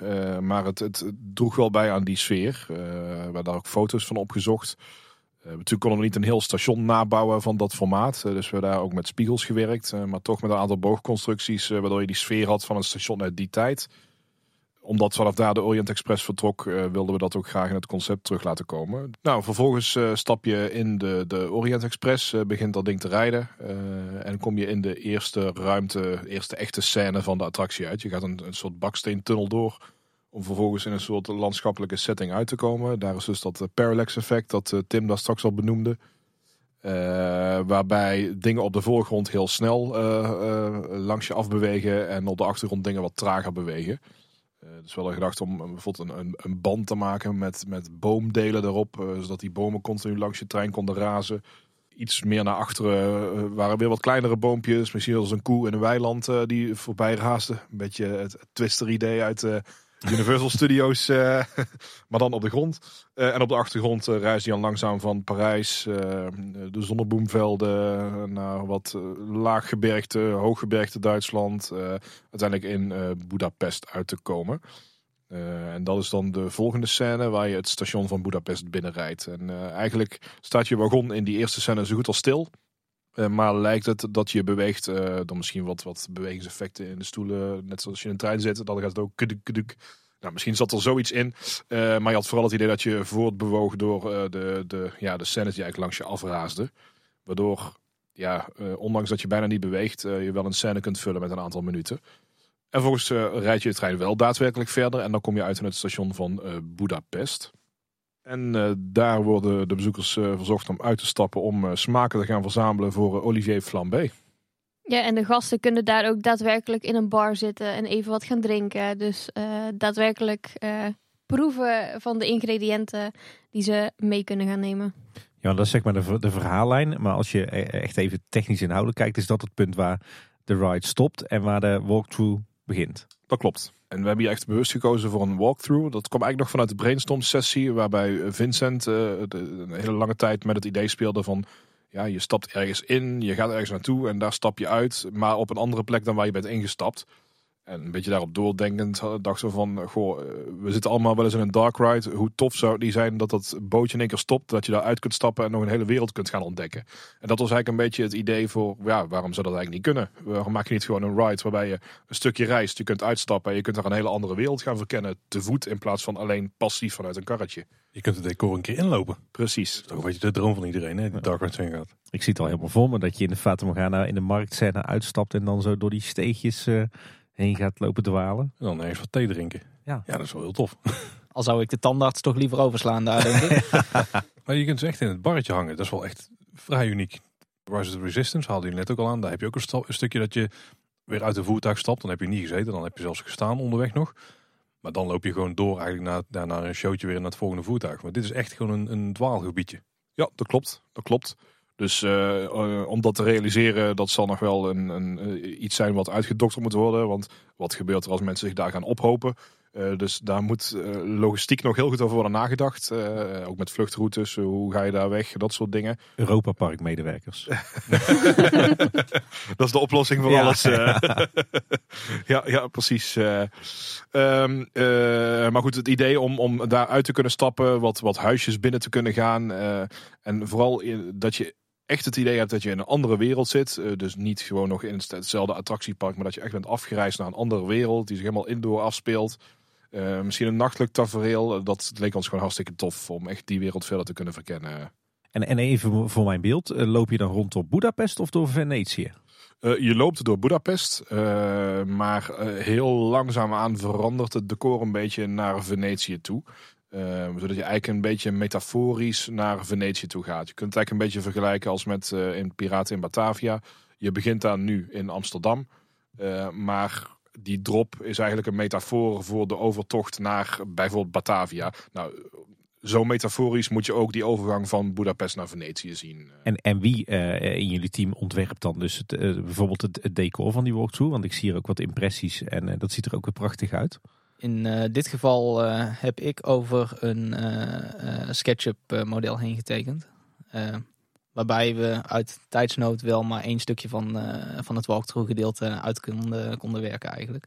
We hebben wel aan wat stereotype beelden gedacht. eh, waardoor je bijvoorbeeld in Venetië echt een, een, een kanaal ziet lopen met zo'n gondola erin. Om toch wel echt de suggestie te wekken van hé, hey, we waren in Budapest. Maar nu zijn we echt overduidelijk in Venetië. Misschien zit er nog wat, wat elementen uit het Doge-paleis in. Echt, echt totaal andere architectuur. eh. Ja, en als je dit stukje ziet, dan zou je dit eigenlijk kunnen zien als gewoon de losse scène eh, Venetië. eh, waarbij de doorgang, eh, de doorgang zou zijn vanaf Budapest. Ja, oké. Zo, dus nog je- groter. Dus je loopt eigenlijk binnen. Ja, eigenlijk is die dubbel zo groot, het, eh, het binnenstuk. Dit is gewoon één puzzelstukje eh, uit, eh, uit de complete hal. En daarna dan, dan stap je als gast weer terug op in het transportsysteem. Eh, ja, je stapt in het station van Venetië weer op de Orient Express terug naar Parijs. Eh, je bent met een doel daar naartoe gegaan. Je moest ingrediënten verzamelen. Maar die moet je uiteindelijk ook weer terugbrengen naar Parijs. Eh, dus je stapt in Venetië op de Orient Express. Het toffe daaraan is dat eh, de Orient Express destijds ook met ook verschillende lijnen werkte. eh, waarvan één lijn naar Budapest liep eh, en vervolgens door naar Istanbul. En één lijn liep ook alleen naar Venetië toe. Dus eh, het, het klopt ook echt dat je eh, eh, in beide steden met de Orient Express aan kunt doen. Eh, dat is ook de reden waarom we voor die steden gekozen hadden. Maar goed, hier ben je dus nu in Venetië en je wil graag terug naar eh, Parijs. Dus je stapt eh, de trein op. Alleen waar je van Parijs naar Budapest een redelijk rustig ritje hebt. Je hoeft geen gevaarlijke gebergtes door. Moet je vanuit Venetië naar Parijs wel door de Alpen. Eh, en eh, we hadden zoiets van, oké, de- eerste, het eerste deel van de attractie is dus een rustig ritje. Dan mag het tweede deel wel wat pit krijgen. En we hebben er ook bewust over nagedacht om een beetje naar het patroon van emoties gedurende die rit te kijken. En, en uiteindelijk moet zich dat steeds opbouwen. Dus je dan weer met een rustig en saai ritje zou komen, dan zou het wel echt saai aflopen. Dus we hebben daar uiteindelijk een, een soort achtbaanstukje in gedaan, waarbij de trein ontspoort. Uiteindelijk onder de rails zakt. En je de brug een soort afgeleid eh, om vervolgens een achtbaanparcours te krijgen en een wilde rit door de Alpen te krijgen.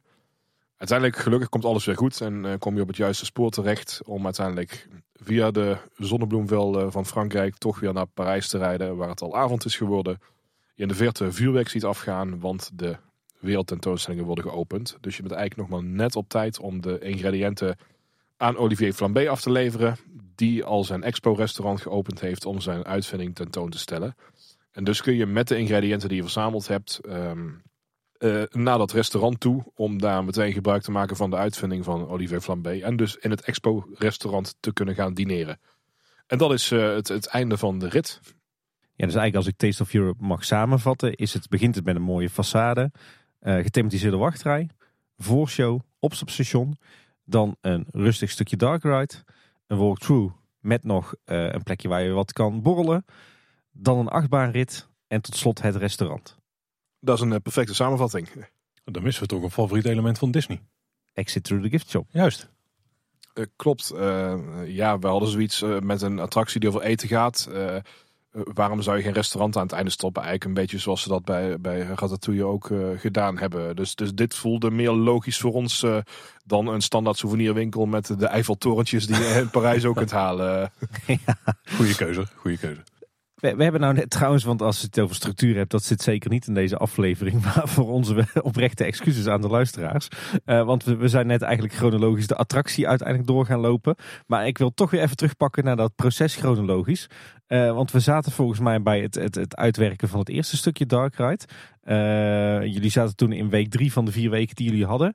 Maar er moet toch nog enorm veel werk zijn verzet in die laatste anderhalf, twee weken.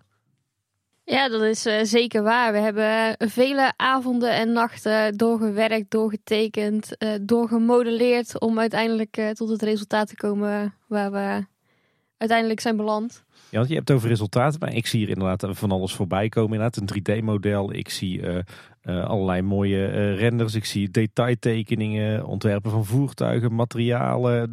Hoe hebben jullie nou bepaald wat je allemaal wilde opleveren? We zijn eh, eigenlijk gewoon gaan kijken naar eh, wat is essentieel, wat willen we laten zien vooral. Eh, nou, de, de, de uitvinding van Olivier Flambé kon natuurlijk niet ontbreken, want dat is een redelijk hoofdaspect. En ehm, het ritssysteem, ja, als we een heel mooi ritssysteem hebben uitgetekend, dan moet hij ook een mooi kleurtje, plaatje, et cetera krijgen. Dus die kon ook niet ontbreken. We hadden denk ik zelfs nog wel wat meer concept arts op de planning staan, maar die hebben we uiteindelijk niet kunnen, kunnen halen. Dus uh, met de pre-show die we hebben uitgewerkt, zijn we eigenlijk vanaf vooraf aan begonnen. En uh, toen hebben we op een gegeven moment uh, echt gekeken naar wat hebben we echt heel erg hard nodig. En toen zijn we ons daarop gaan focussen, zoals bijvoorbeeld de Bird's Eye.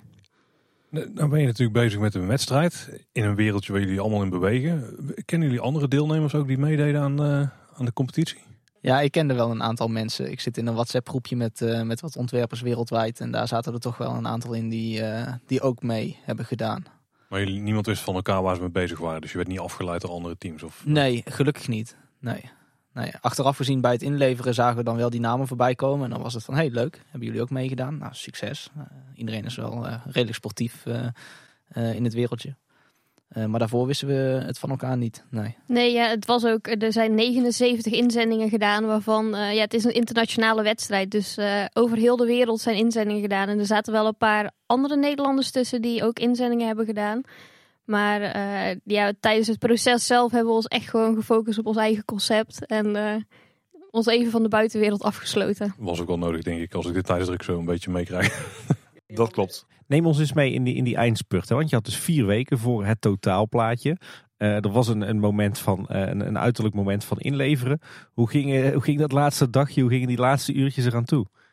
Na het werk uh, snel naar huis toe rijden en snel een magnetronmaaltijd naar binnen schuiven. En ik denk dat we wel tot een uur of 1 à 2 toen door hebben zitten werken. Allemaal ja. afzonderlijk aan ons eigen deel. Ja, en, en Tim, jij was toen al bezig met het opmaken van het boekje, waarbij we toen ook hebben gekeken wat missen we nog. Dus uh, voor wat we misten konden we dan nog snel een invulling maken. Ja. En um, Wim die was bezig met het laatste teksten uitwerken voor de presentatie. Volgens mij is de Birdseye de laatste tekening die ik nog uh, in elkaar heb, uh, heb gestoken. En ik denk een dag voordat wij het wilden inleveren, hadden we het zo goed als gereed. En um, toen hebben we alles nog tien keer nagecheckt of dat alles klopte. En uh, toen hebben we het uh, volgens mij op een vrijdagmiddag hebben we het toen ingeleverd. Nou, wat dat betreft was dat boekje eigenlijk ook wel een soort reminder aan ons van wat er nog allemaal nodig was om aan te leveren. Wim had een, een heel goed lopend verhaal uitgeschreven, waarbij eigenlijk alles aan bod kwam. En ik moest dat in de opmaak zetten. En daar wil je beeld bij hebben. En dan merk je eigenlijk al heel snel van wat is nou belangrijk om te visualiseren in, uh, in het hele verhaal. En die pagina's die, uh, ja, die, die waren nog eventjes een tijdje leeg. En daar hebben we op het einde uh, eigenlijk met z'n allen, Mark met zijn 3D-renders, Nicky met de, de bird's eye view die ze op een of andere wonderbaarlijke wijze in een dag heeft uitgetekend. en, en ik ook met wat, met wat laatste schetsen hebben dat boekje nog helemaal weten te vullen. Klopt, en, en die bird's is echt een mirakel. Want uh, in, in hoe dat die uiteindelijk in het boekje zit, is het grootste gedeelte van uh, dat gebouw heeft een plafond. Uh, maar er zijn nog versies waar wat meer scènes waren opengetekend. Alleen dat, dat was echt zo last minute. En sommige dingen waren nog niet helder van hoe die laatste scènes eruit zagen. Dat ze het uiteindelijk het, het plafond van het gebouw maar, of het dak van het gebouw maar dicht hebben getekend. Maar er zijn versies waar nog wat meer scènes uh, waren uitgetekend. Alleen ja, om, om, dat echt helemaal tot in de puntjes uit te werken, dat uh, was een uitdaging. Uh. Wat, wat, wat, wat, moesten jullie inleveren? Dat was echt een, een pdf-boekje met daarin alles wat je er maar in kon stoppen over jullie concept. Was niet verplicht. Nee, dit is toevallig een, een weg waar wij voor hebben gekozen. Maar er waren ook deelnemers die bijvoorbeeld een, een filmpje hebben ingestuurd. Waarbij je eigenlijk als een soort ja, 3D-visualisatie door het hele door de hele attractie heen rijdt. Vanwaar dan uiteindelijk jullie keuze voor mm, misschien een traditioneel manier van presenteren? Ik denk voornamelijk omdat ik geen filmpjes kan monteren, maar wel boekjes kan maken. Dus, um, en het is een mooi, mooi naslagwerk. Eh, we hebben ook nog steeds eh, het, eh, het idee om dit een keertje te laten, laten binden voor ons eigen portfolio materiaal. Ja, en het, idee is er wel geweest om van het 3D-model die Mark heeft gemaakt nog een video te maken. Maar dat is uiteindelijk qua tijd gewoon echt niet meer gelukt. Dus toen hebben we op een gegeven moment besloten om ons echt volledig op het boekje te gaan focussen. Uiteindelijk is dat eh, het, het presenteren van een boekje is uiteindelijk ook nog een manier die heel veel in de, in de industrie gebruikt wordt. Dus, dus in die zin staat de manier waarop we wat hebben aangeleverd, oké, misschien niet tot in die mate van detail zoals het in het daadwerkelijke werk wat ook gebeurt. Maar er wordt nog steeds heel veel met dit soort eh, projectvoorstellen gewerkt. Eh, dus in die zin zitten we niet heel veel van de realiteit af, denk ik. eh. Ja, want dat vind ik wel een van de mooie dingen aan eh, wat jullie hebben gedaan. Want uiteindelijk is er een supermooie pdf uitgekomen. Het ligt echt een supermooi plan. Maar het is als uh, themaparkliefhebber ook echt interessant om eens een keer door zo'n ding heen te bladeren. Want we hebben het zelf al vaak genoeg gezegd, Tim. Dan zien we Jeroen Vrij op, over een bouwplaats lopen. Die heeft ook een boekje bij. Toevallig ook met liggende ja, viertjes of net iets groter zal zijn. Waar erheen aan het bladeren is. En dan zeggen we altijd tegen elkaar...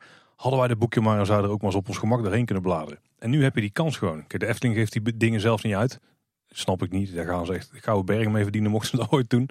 Maar hier heb je gewoon eh, eigenlijk zo'n zelf soort document liggen waar je op je gemak doorheen kunt kijken. Echt tot in detail, want hij is digitaal tot in detail kunt inzoomen op alle, ja, op alle elementen die jullie hebben getekend. Ik vind het echt een heel vet inkijkje in het ontwerpproces.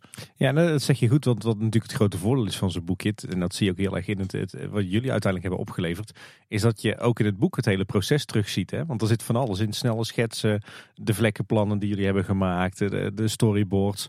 Ja, dat- ik heb dit wel kwijlend zitten lezen, ja. Dat was ook een van de voorwaarden eh, die geloof ik in de instructie stond voor de wedstrijd. Eh, laat je proces zien. Eh, dus je kunt wel uiteindelijk concept presenteren. eh, maar zij vonden het heel belangrijk om te laten zien hoe we precies tot dat ding gekomen waren. Eh, dus vandaar dat we ook al die schetsen en ook expliciet een, een laatste hoofdstuk hebben toegevoegd van goh, wat is ons proces geweest? Hoe zijn we ermee aan de slag gegaan? Dat soort dingen. Want je, je noemt dan een aantal keer presenteren, maar heb je ook echt nog een presentatie moeten houden? Of is het vooral het presenteren van het document wat je hebt opgeleverd?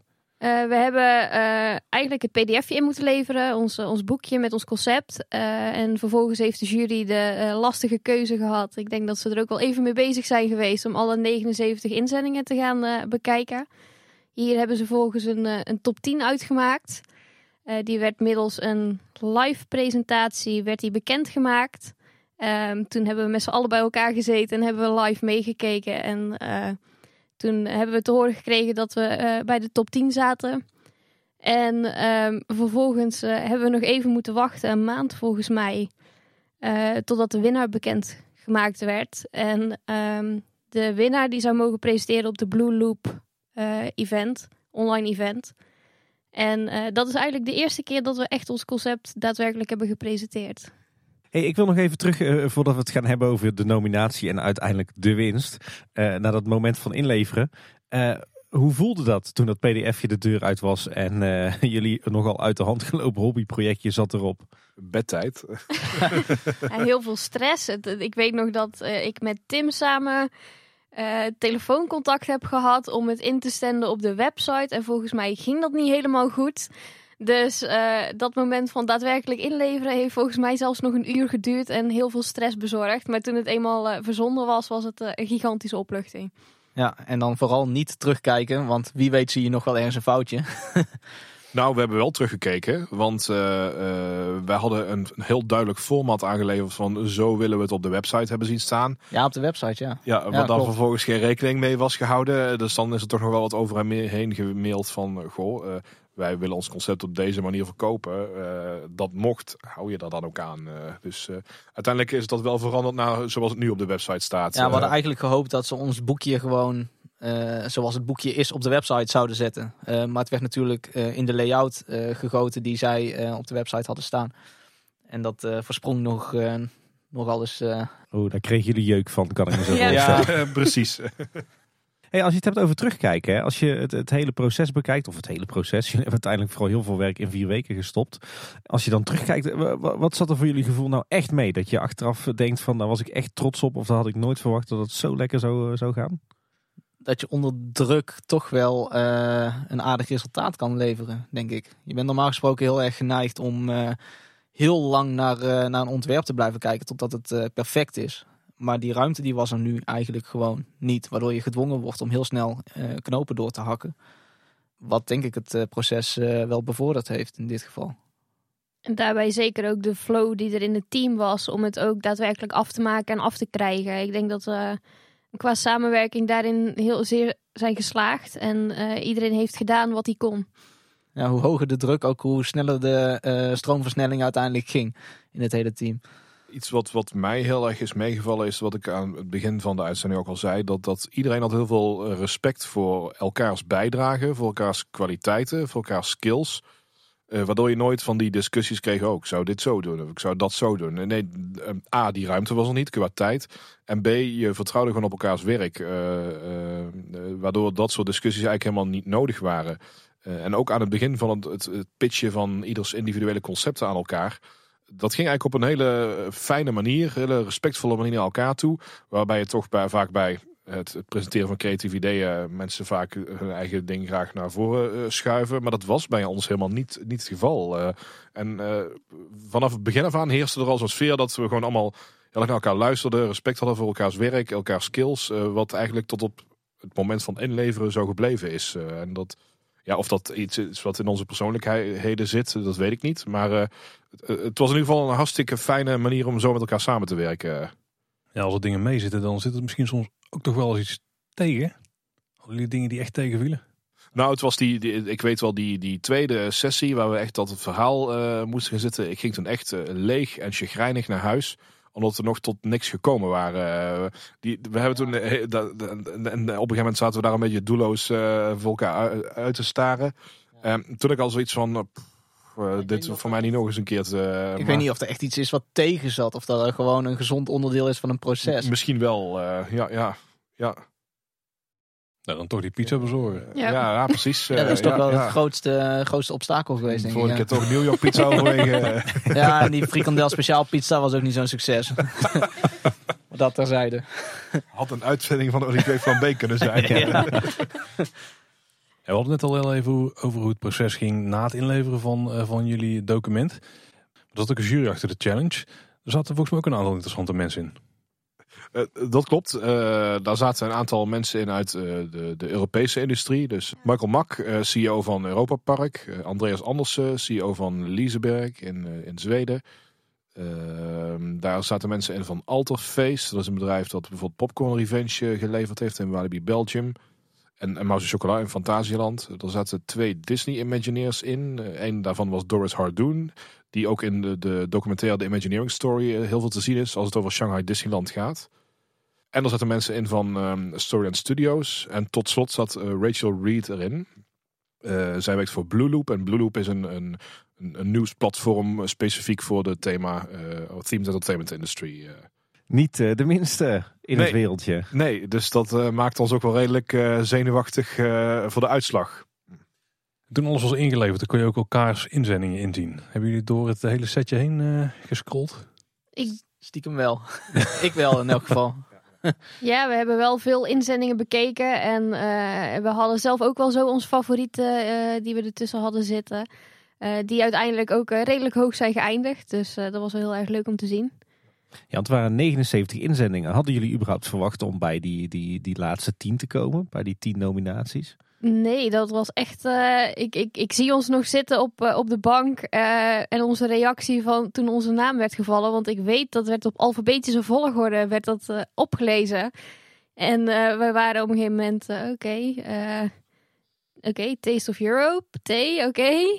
Ja, nou zouden wij moeten komen als we erbij zitten. En ja, we zien het wel. En toen werd opeens Taste of Europe genoemd. En toen zaten we elkaar echt aan te kijken van... Oh, oké, top 10.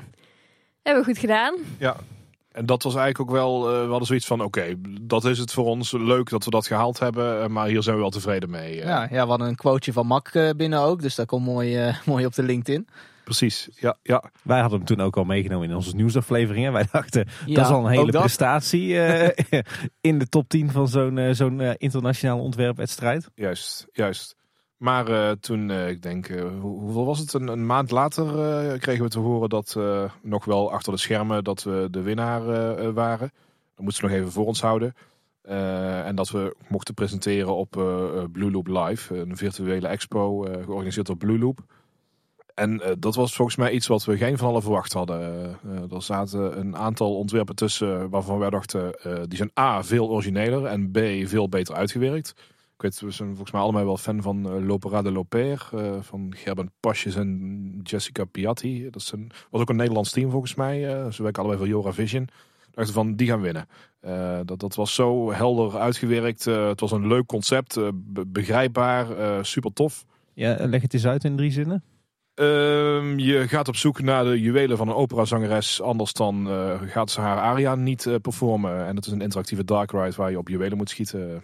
Nou, weer zo'n stomme shooter. ja, maar ik eh, stel dat bijvoorbeeld, het past perfect in een Italiaans thema. Stel dat Geisterschloss eh, ooit moet sluiten in Europa Park. Dan zou ik dit daar graag voor in de plek zien, eh, eerlijk gezegd. Ook, ook, ze hebben zo'n fantastische laatste scène. Dan dan ga je in je karretje rond het podium, waar een animatronic van die operazangeres staat. Maar je kunt daar ook langs gaan staan kijken als bezoeker vanuit een opera setting. Ik vond dat echt super tof gedaan. Maar als je conceptmatig gaat kijken, dan is jullie concept toch wel vele malen innovatiever. Ja, de jury is met ons eens, dus ja. Ja. Dankjewel. Ja, dankjewel. Ehm eh, wellicht zit hem dat in een, een combinatie van een aantal factoren. ehm, eh, met een, een ritssysteem eh, wat, wat nog niet bestaat. Een, een, een restaurant dat eraan gekoppeld is. Een duidelijke food experience. Want dat, met name dat, dat stukje food, daar haakte de jury ook wel op aan. Tenminste, dat, dat kregen we terug uit het feedback eh, van de jury. En eh, ik denk in die zin, eh, wat ik eerder ook al zei, is dat dat referentiekader van Mark ook wel echt hier geholpen heeft. Eh Mark weet gewoon, heeft een enorm goed beeld van wat er allemaal te vinden is in de industrie. En Mark is ook degene die constant geweest is van jongens, wat, je, wat we nu hebben is niet innovatief. Doordenken. En, en daardoor zijn we uiteindelijk tot iets gekomen wat, wat ja, als jullie het zeggen, dan, dan geloof ik jullie wat, wat misschien wat innovatiever is. eh. Nou ja, ik denk, eh, en inderdaad die combinatie van al die verschillende elementen. Rustige dark ride, walkthrough, eh achtbaan. Dat, dat, dat is al heel zeldzaam. Maar ik denk zeker die prominente rol van het is eigenlijk een attractie en horeca in één. Dat zie je natuurlijk nergens. We zien wel dat horeca onderdeel uitmaakt van een themagebied. Maar dat het zo in elkaar verweven is, dat zie je volgens mij nog nergens. Er komt één ding aan, maar daar hebben we daar een vraag over. Ja, precies. ja. De, de prijsuitreiking die was dus ook tijdens Blue Loop Live, toen jullie de presentatie moesten doen. Ja, dat klopt. Maar dan moet je in één keer naast een boekje ook een hele presentatie gaan maken. Hoe eh hebben jullie daar aangepakt? We hadden eerst een gigantische presentatie gemaakt waarbij we eh, ons eh, proces vooral wilden gaan benadrukken. Omdat eh, het ook een presentatie was die eh, op een eh, evenement werd gepresenteerd waar veel mensen uit de branche naar kijken. Dus we wilden ons daar heel erg op focussen. Eh, naarmate we daarmee bezig waren, eh, werden de, de tijden die beschikbaar waren, die we hadden voor de presentatie, werden ingekort. Dus eh, toen zijn we ons meer gaan focussen op het verhaal en de attractie die we hadden. En ehm, toen hebben we dat verder uitgewerkt. En is er nog stiekem een extra tekening of zo ingesneakt die niet in het pdfje zit? N- nee, nee, we hadden die vier, die vier weken, die, daar moesten we nog wel eventjes van bij komen. Kan ik me voorstellen. Da- Daarover gesproken, de, de- je moest bijkomen van die vier weken, maar ik kan me voorstellen dat je ook wel bij moest komen van het nieuws dat je zo'n ontwerpwedstrijd met zo'n jury gewonnen had. Wat deed dat met jullie? Ja, ik, ik kan me nog heel goed herinneren dat eh, eh, Ben Thompson van Storyland Studios, die, eh, daar hadden we een afspraak mee gepland staan om, om, om te, de, te videobellen. En ehm, daarin werd iets bekendgemaakt, maar wat wisten we nog niet echt, eh, echt eh, wat, er, wat er uitkwam. En we zaten redelijk aan het einde van de, van de middag. Eh, ik zat, eh, zat te facetimen met hem en eh, op een gegeven moment zegt hij ja... Ik heb al heel veel mensen moeten teleurstellen dat ze het niet zijn geworden. Maar dat hoef ik gelukkig bij jullie niet te doen. Want jullie hebben gewonnen. Nou, ik denk dat ik vijf minuten stil naar mijn beeldscherm heb zitten kijken. En eh, ik, was, ik was echt zo van, hoe dan? Hoe hebben we dat voor elkaar gekregen? Vervolgens, eh, toen dat gesprek is afgelopen, toen dacht ik, ja, ik moet de rest bellen. Dus toen heb ik iedereen gefacetimed. En eh, Tim, die zat in Italië. Mark die zat in het buitenland, dus het was echt zo van... jongens, we hebben gewonnen. Oké, en nu? Nou, dat is inderdaad een hele goede vraag. En, en daarna? Toen, eh, ja, vervolgens eh, eh, met de presentatie aan de slag gaan. En voor de Blue Loop, dus daar meteen weer ingedoken. En ja, we moesten het nog even stilhouden voor de industrie. Dus vervolgens de IAPA Expo in Barcelona was voor de Blue Loop event. Dus we hebben daar met z'n allen rondgelopen. En ons mond gehouden, want we mochten nog niks vertellen. En een week later werd het uiteindelijk bekendgemaakt. En kun je op zo'n beurs dan ook andere mensen tegen die hebben meegedaan? Die je inmiddels dan wel kent? Of... Ja, Jazeker, ja, we hebben eh, de andere twee prijswinnaars hebben we daar ontmoet. En eh, even mee staan kletsen. Eh, twee mensen van de jury waren erbij. Dus die hebben ons aangesproken, die hebben ons gefeliciteerd. Dus het, het was wel al een beetje dat het rondhing dat we gewonnen hadden. Maar ja, de grote bekendmaking was nog niet geweest. Nee, nee, ik weet ook wel dat we toen aan, aansluitend op de IAPA Expo was ook de SATE. Dat is eh, de, de beurs van de Themed Entertainment Association. En daar kwam ik ook Jacob uh, Fagerstorm uh, tegen. Die uh, had dat Chaos uh, Theory uh, concept gemaakt. En dat was een tweede prijswinnaar. En, en die wist het ook wel. Dus dan was het wel tof dat je iemand tegenkwam. Met wie het er in elk geval over kon hebben, zeg maar. Ja. want het was wel verdomde lastig om je mond te moeten houden als iedereen daar in de industrie rondloopt. dat is echt heel jammer dat ze dat toen niet daar mochten vertellen. Ja, en nog een ding wat we hebben gedaan toen we te horen hadden gekregen dat we gewonnen waren en iedereen terug was in uh, Nederland, is dat we met z'n allen naar Bosrijk zijn gegaan. Uh, waar we ook al vaker een keer uh, gemiet hadden. En toen hebben we het daar gevierd met een goed diner en een goed glas champagne. Daar hebben wij al eerder wat foto's van gezien, ja. En, en, en, dan? Dan heb je dus, heb je dus gewonnen. Die presentatie is geweest. Het is out in de open. Was het daarmee klaar? Of zijn jullie er sindsdien nog, nog veel mee bezig geweest? Nee, we hebben het eigenlijk wel redelijk losgelaten. We hebben, zoals ik net al zei, wel overwogen om het, om een boekje nog een keer te laten binden. Maar zelfs dat is er nog niet echt van gekomen, eerlijk gezegd. Ik denk dat we gewoon hebben genoten van, van de winst. En ja, wat daar dan uit voortkomt. Je krijgt natuurlijk wel wat extra aandacht, ook in de industrie. Dus daar komen dan weer wat nieuwe opdrachten uit voort.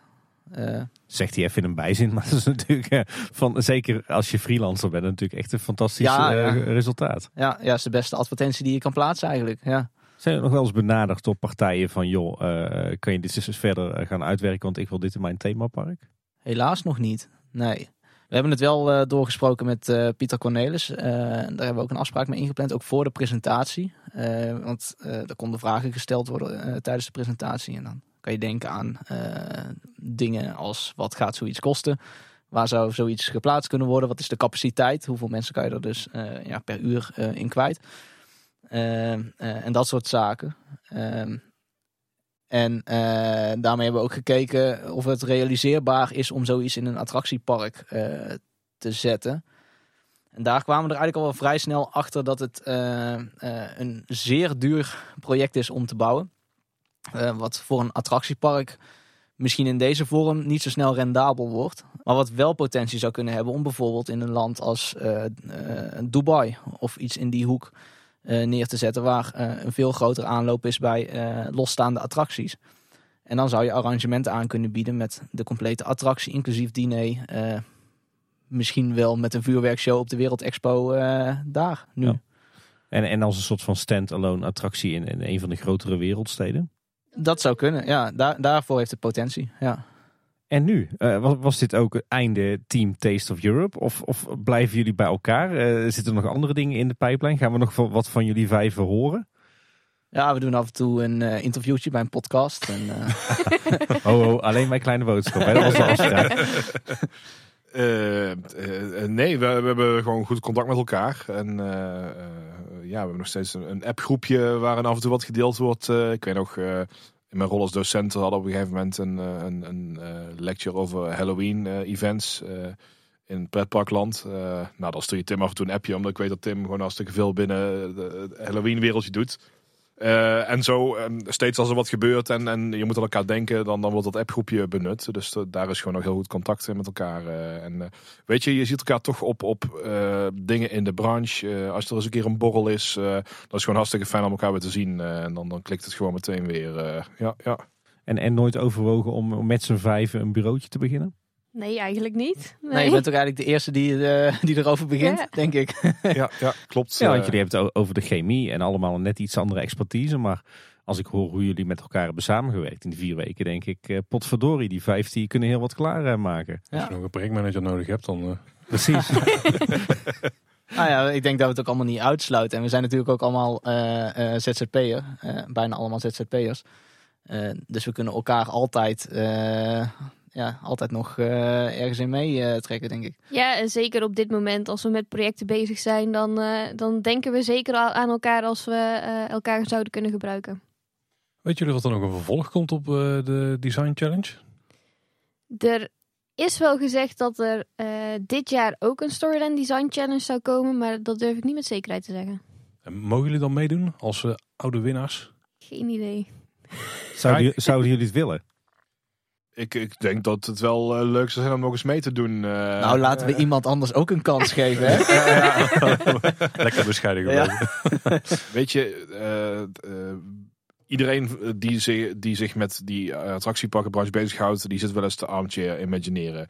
En dit Nee, is, dat doen we nooit. Nee, nee. Hele afleveringen volgens mij. eh. Ehm, en en het, het toffe is eh, dat dit is eigenlijk ook een soort armchair imagineering project. Alleen dan til je het net wat meer naar de realiteit. En dat eh, is enerzijds eh, omdat het natuurlijk een wedstrijd wordt uitgeschreven. Maar ook de druk van een deadline, die- kan zo gigantisch goed werken. Dat is ook een van de quotes van Walt Disney. eh, Everybody needs deadlines. Eh, want pas dan begint de tijd te dringen. Oké, klaar met ideeën spuien en, en klaar met je fantasie op hol te laten slaan. Nu moet er ook geleverd worden. En dan ga je dingen daadwerkelijk omvormen naar eh, concepten, ideeën. Er, zit een planning waar je aan moet houden. Dus je weet wanneer wat klaar moet zijn. En zo'n wedstrijd is eigenlijk een perfecte gelegenheid om het armchair imagineeren een beetje los te laten en er wat meer realiteit van te maken. Eh, en dat zijn gewoon hartstikke leuke portfolio projecten. Ik ga toch weer terug naar onderdelen die ik tof vind aan het hele proces wat jullie hebben doorlopen. Want we hebben nu best wel goed gehoord hoe, zo'n brainstormfase eraan toe gaat in zo'n project. En eh, we kennen alle verhalen, weet je wel, dat bij de Efteling zijn er laadjes en er liggen allerlei plannen in. Volgens mij zijn er plannen die tot op zekere hoogte op zo'n vergelijkbaar detail zijn uitgewerkt als jullie het nu hebben gedaan. En als je al ziet hoeveel tijd alleen daarin gaat zitten, want hebben jullie enig idee hoeveel gezamenlijke uren jullie erin hebben gestopt? Ja. Hoeveel uren zitten er ongeveer in een, eh, in een maand? eh? Ja, in- in- inclusief eh, wat avonden. Ja, nee, we zijn er geen fulltime maand mee bezig geweest natuurlijk. Nee, maar ik denk wel dat je 20 uur per week en misschien nog boven een werkweek op kan gooien. Ja, dat denk ik ook wel. Ja. Ja. Ja. Dus dan zit je al wel gauw richting de, de 300 uur of zo, totaal. Ja, ja. Nou, als je dus nagaat dat dat dan het werk, en dan bij jullie super gestroomlijnd gegaan. En als je weet dat dat werk alleen al in het zitten tot het komen van een concept. En alle stappen die je komt te lopen. dat- Want dat is het mooie van een goed uitgewerkt concept. Dat voelt super logisch, super helder. Ja. Alleen om tot dat punt te komen, zoals de Wim het ook mooi vertelde. Dat kost gewoon heel veel moeite. En dat kost heel veel, denk en eh, heel veel denkwerk en tijd. En heel veel inzichten van verschillende mensen. En dan maakt ook eh, Blue Sky Imagineer of Armchair Imagineer alleen best wel lastig. En als je het juist in zo'n team doet, is het wel mooi. En nou, dat hebben we nu heel mooi door jullie net verteld horen worden. En je kunt het heel mooi zien in het boekje wat jullie hebben uitgebracht. Ja, zeker. En zeker ook de expertise van eh, al onze mensen individueel. Eh, de reden dat Wim erbij zit, was ook goud. Wim die doet onderzoek naar eh, heel veel dingen. Normaal gesproken in een ontwerpfase wordt eh, zo iemand niet zo snel aangetrokken om, om mee te kijken. En Wim heeft ook echt heel vaak wel momenten gehad dat hij tegen ons zei van... wacht even, is dit wel handig om het zo te doen? Of die heeft een beetje het overview gehouden over het complete project waar we mee bezig zijn geweest. Dat heeft ook wel heel erg geholpen. Heb je stiekem nog iets meegenomen van jouw onderzoek naar emoties in eh, pretparken? Of, eh? Eh, niet bewust. Want ik, ik ben persoonlijk van mening, als je heel veel onderzoek gaat gebruiken om een ontwerp vorm te geven, dan krijg je zo'n windtunnel effect waarbij alles op elkaar gaat lijken. Dus dat moedig ik eigenlijk niet aan. Ik, ik zou vooral onderzoek gebruiken om, om je te laten inspireren tot bepaalde creatieve oplossingen. Eh, maar wat ik wel heb gepoogd te doen is om af en toe eens even in een helikopter te stappen, uit te zoomen en te kijken, of gewoon sluiten alle scènes een beetje logisch op elkaar aan. Is het verhaal logisch? Zit er een bepaalde emotionele opbouw in het verhaal? Eh, want daarvan weten we dat, dat als iets een bepaalde opbouw volgt, dat dat over het algemeen wat beter werkt dan wanneer die volgende bijvoorbeeld helemaal omdraait. Eh, dus ik ben er niet bewust mee aan de slag gegaan. Maar goed, ja, het is mijn werk, dus onderbewust zit dat toch wel ergens eh, eh, gegrift in hoe je ergens mee aan de slag gaat. kan me zeker voorstellen. En we hebben nog een paar eh, vragen die over andere onderwerpen gaan. Maar ik heb nog twee die ik even wil stellen over jullie proces. En over jullie, hetgeen dat jullie hebben opgeleverd. Want je had net al over het zou goed werken als een op zichzelf staande attractie bijvoorbeeld in een, in een stad of zo. Maar stel, je zou Taste of Europe toen nog ergens in een pretpark moeten plaatsen. Wat zou dan wat jullie betreft echt het ideale pretpark zijn om dit te plaatsen? Ja, hij is natuurlijk aan te passen aan, eh, aan de stijl van het park, denk ik. Maar Europa Park zou zich er goed voor lenen, denk ik. Ja, ja. Ja. Eens. Oh, dat is vrij eensgezind. Ja, Er was ook één eh, term in jullie boekje die me ook nog triggerde. Want een van de afgeschoten concepten was een Black Mirror-achtige attractie. Hoe ver is die nog gekomen? Was dat heel vaag? Want ik ben echt heel benieuwd wat dat dan voor attractie zou kunnen zijn. Dat, dat is vooral iets wat in de brainstorm sessie is meegenomen. Met name Vincent had heel veel eh, eh, inspiratie vanuit Black Mirror. Eh, maar dat was dan niet zozeer dingen die daadwerkelijk in Black Mirror zaten. Maar eh, wel de psychologische effecten die Black Mirror met jou als kijker uithaalt. Dus dat idee van dat je ergens instapt, eh, vervolgens ergens uitstapt wat iets totaal anders is. Een proces van transformatie. Dus op, op dat de hoge abstractieniveau zat, zaten de, de dingen die Vincent heel erg inspirerend vond uit Black Mirror. En dat zijn de dingen die zijn meegenomen naar het concept. dus, Dat is ook wel, ja. ja, ja. Ja, en dan toch wel een klein beetje vanuit mijn kant een, eh, een prangende vraag. Hoe kijken jullie eigenlijk naar het eh, project Adrenaline in Europa Park? En misschien moeten jullie dan eerst toelichten wat het eh, ongeveer is, want eh, dat zullen niet alle luisteraars weten. Volgens mij is het idee dat je een soort van ride systeem hebt. wat je ondergaat terwijl je aan het dineren bent. Of onderweg wordt er eten op je. Ik, ik stel me bijna voor dat je in een soort fantasievaarder zit. of een soort tractors vehicle. waar continu dan voer op je voertuig wordt geschoven. Maar ik kan het ook niet precies. Maar het is in ieder geval ook eten- en attractiecombinatie. Ja, ja, volgens mij is er vrij weinig bekend over wat het concept precies in gaat houden. Dus eh, inderdaad een combinatie met eten terwijl je in een ritssysteem zit en allerlei bewegende elementen. Eh, eh, ja, ik, ik moedig die combinatie alleen maar aan, eerlijk gezegd. Want zoals jullie zelf al zeiden, heel veel met eten en ritbeleving wordt nog niet gedaan. Eh, en zeker als je dan leest dat er eh, eh, sterrenchefs worden betrokken bij de ontwikkeling van de gerechten en zo. Dan, dan krijgt het eten daadwerkelijk ook zelf een hoofdrol binnen die attractie. En eh, dat is wat wij ook geprobeerd hebben te doen om eten een, een hoofdrol te geven binnen een attractie. Ja, lijkt mij dat het hartstikke tof kan zijn. Hm. Wat was er eerder? Wij wisten niks van, eh, van dat project af voordat wij eraan begonnen. Maar ik kan me voorstellen dat, eh, dat het idee bij hun al lag. Want anders dan eh, zouden ze dat nu niet al eh, kunnen presenteren. Denk. Nee, en toen eh, wij daarmee bezig waren, op een gegeven moment kwamen er wat patenten naar buiten. Waar je daadwerkelijk een, karretje zag met mensen die aan een tafel zaten op een stoeltje. Een soort robothoofd, eh meen ik me te herinneren dat op dat patent staat. Dus die zitten echt wel, of hebben echt wel in een, een, een verdere fase van ontwikkeling gezeten. Maar ik denk dat dat zich een beetje parallel heeft afgespeeld en, en dat ding elkaar niet beïnvloed hebben. We hebben er, er geen kennis van genomen terwijl we hiermee bezig waren, laat ik het zo zeggen. Nee, en in onze attractie zou je ook niet kunnen eten tijdens de rit. Dan hangen de poffertjes ergens achter je oren, denk ik. Ja, ja. Hey, en nog, nog een laatste eh, leuke vraag. Wij vroegen ons, ons redactieteam van joh, eh, hè, deze mensen zitten, zitten bij ons deze week achter de microfoon. Heeft er iemand nog een hele uitdagende vraag voor van die creatievelingen? En we moeten misschien een beetje inkleden. Want we hebben hier natuurlijk experts armchair engineering aan tafel zitten. Dus dit is de perfecte vraag denk ik op dit moment. Precies. En daarom is de vraag, mede namens onze redactie. Wat zouden jullie eigenlijk doen met de opvolger van het spookslot in de Efteling? Dan gaan nu mensen glimlachen en hard nadenken. Ja, precies. Oh, er komt dan een, eh, een tablet op tafel, Paul. Waardoor de pen Er wordt tevoorschijn al geschetst. Ja. Nou, ik zou het eigenlijk aanpakken zoals wij het, eh, dit project ook hebben aangepakt. Door eigenlijk heel erg goed af te tasten van wat is het gevoel, wat is de sfeer die je neer wil zetten in zo'n follow-up van het spookslot. En ik ben vrij nostalgisch ingesteld. eh, dus ik, ik hecht wel heel veel waarde aan de sfeer die in het huidige spookslot wordt getoond.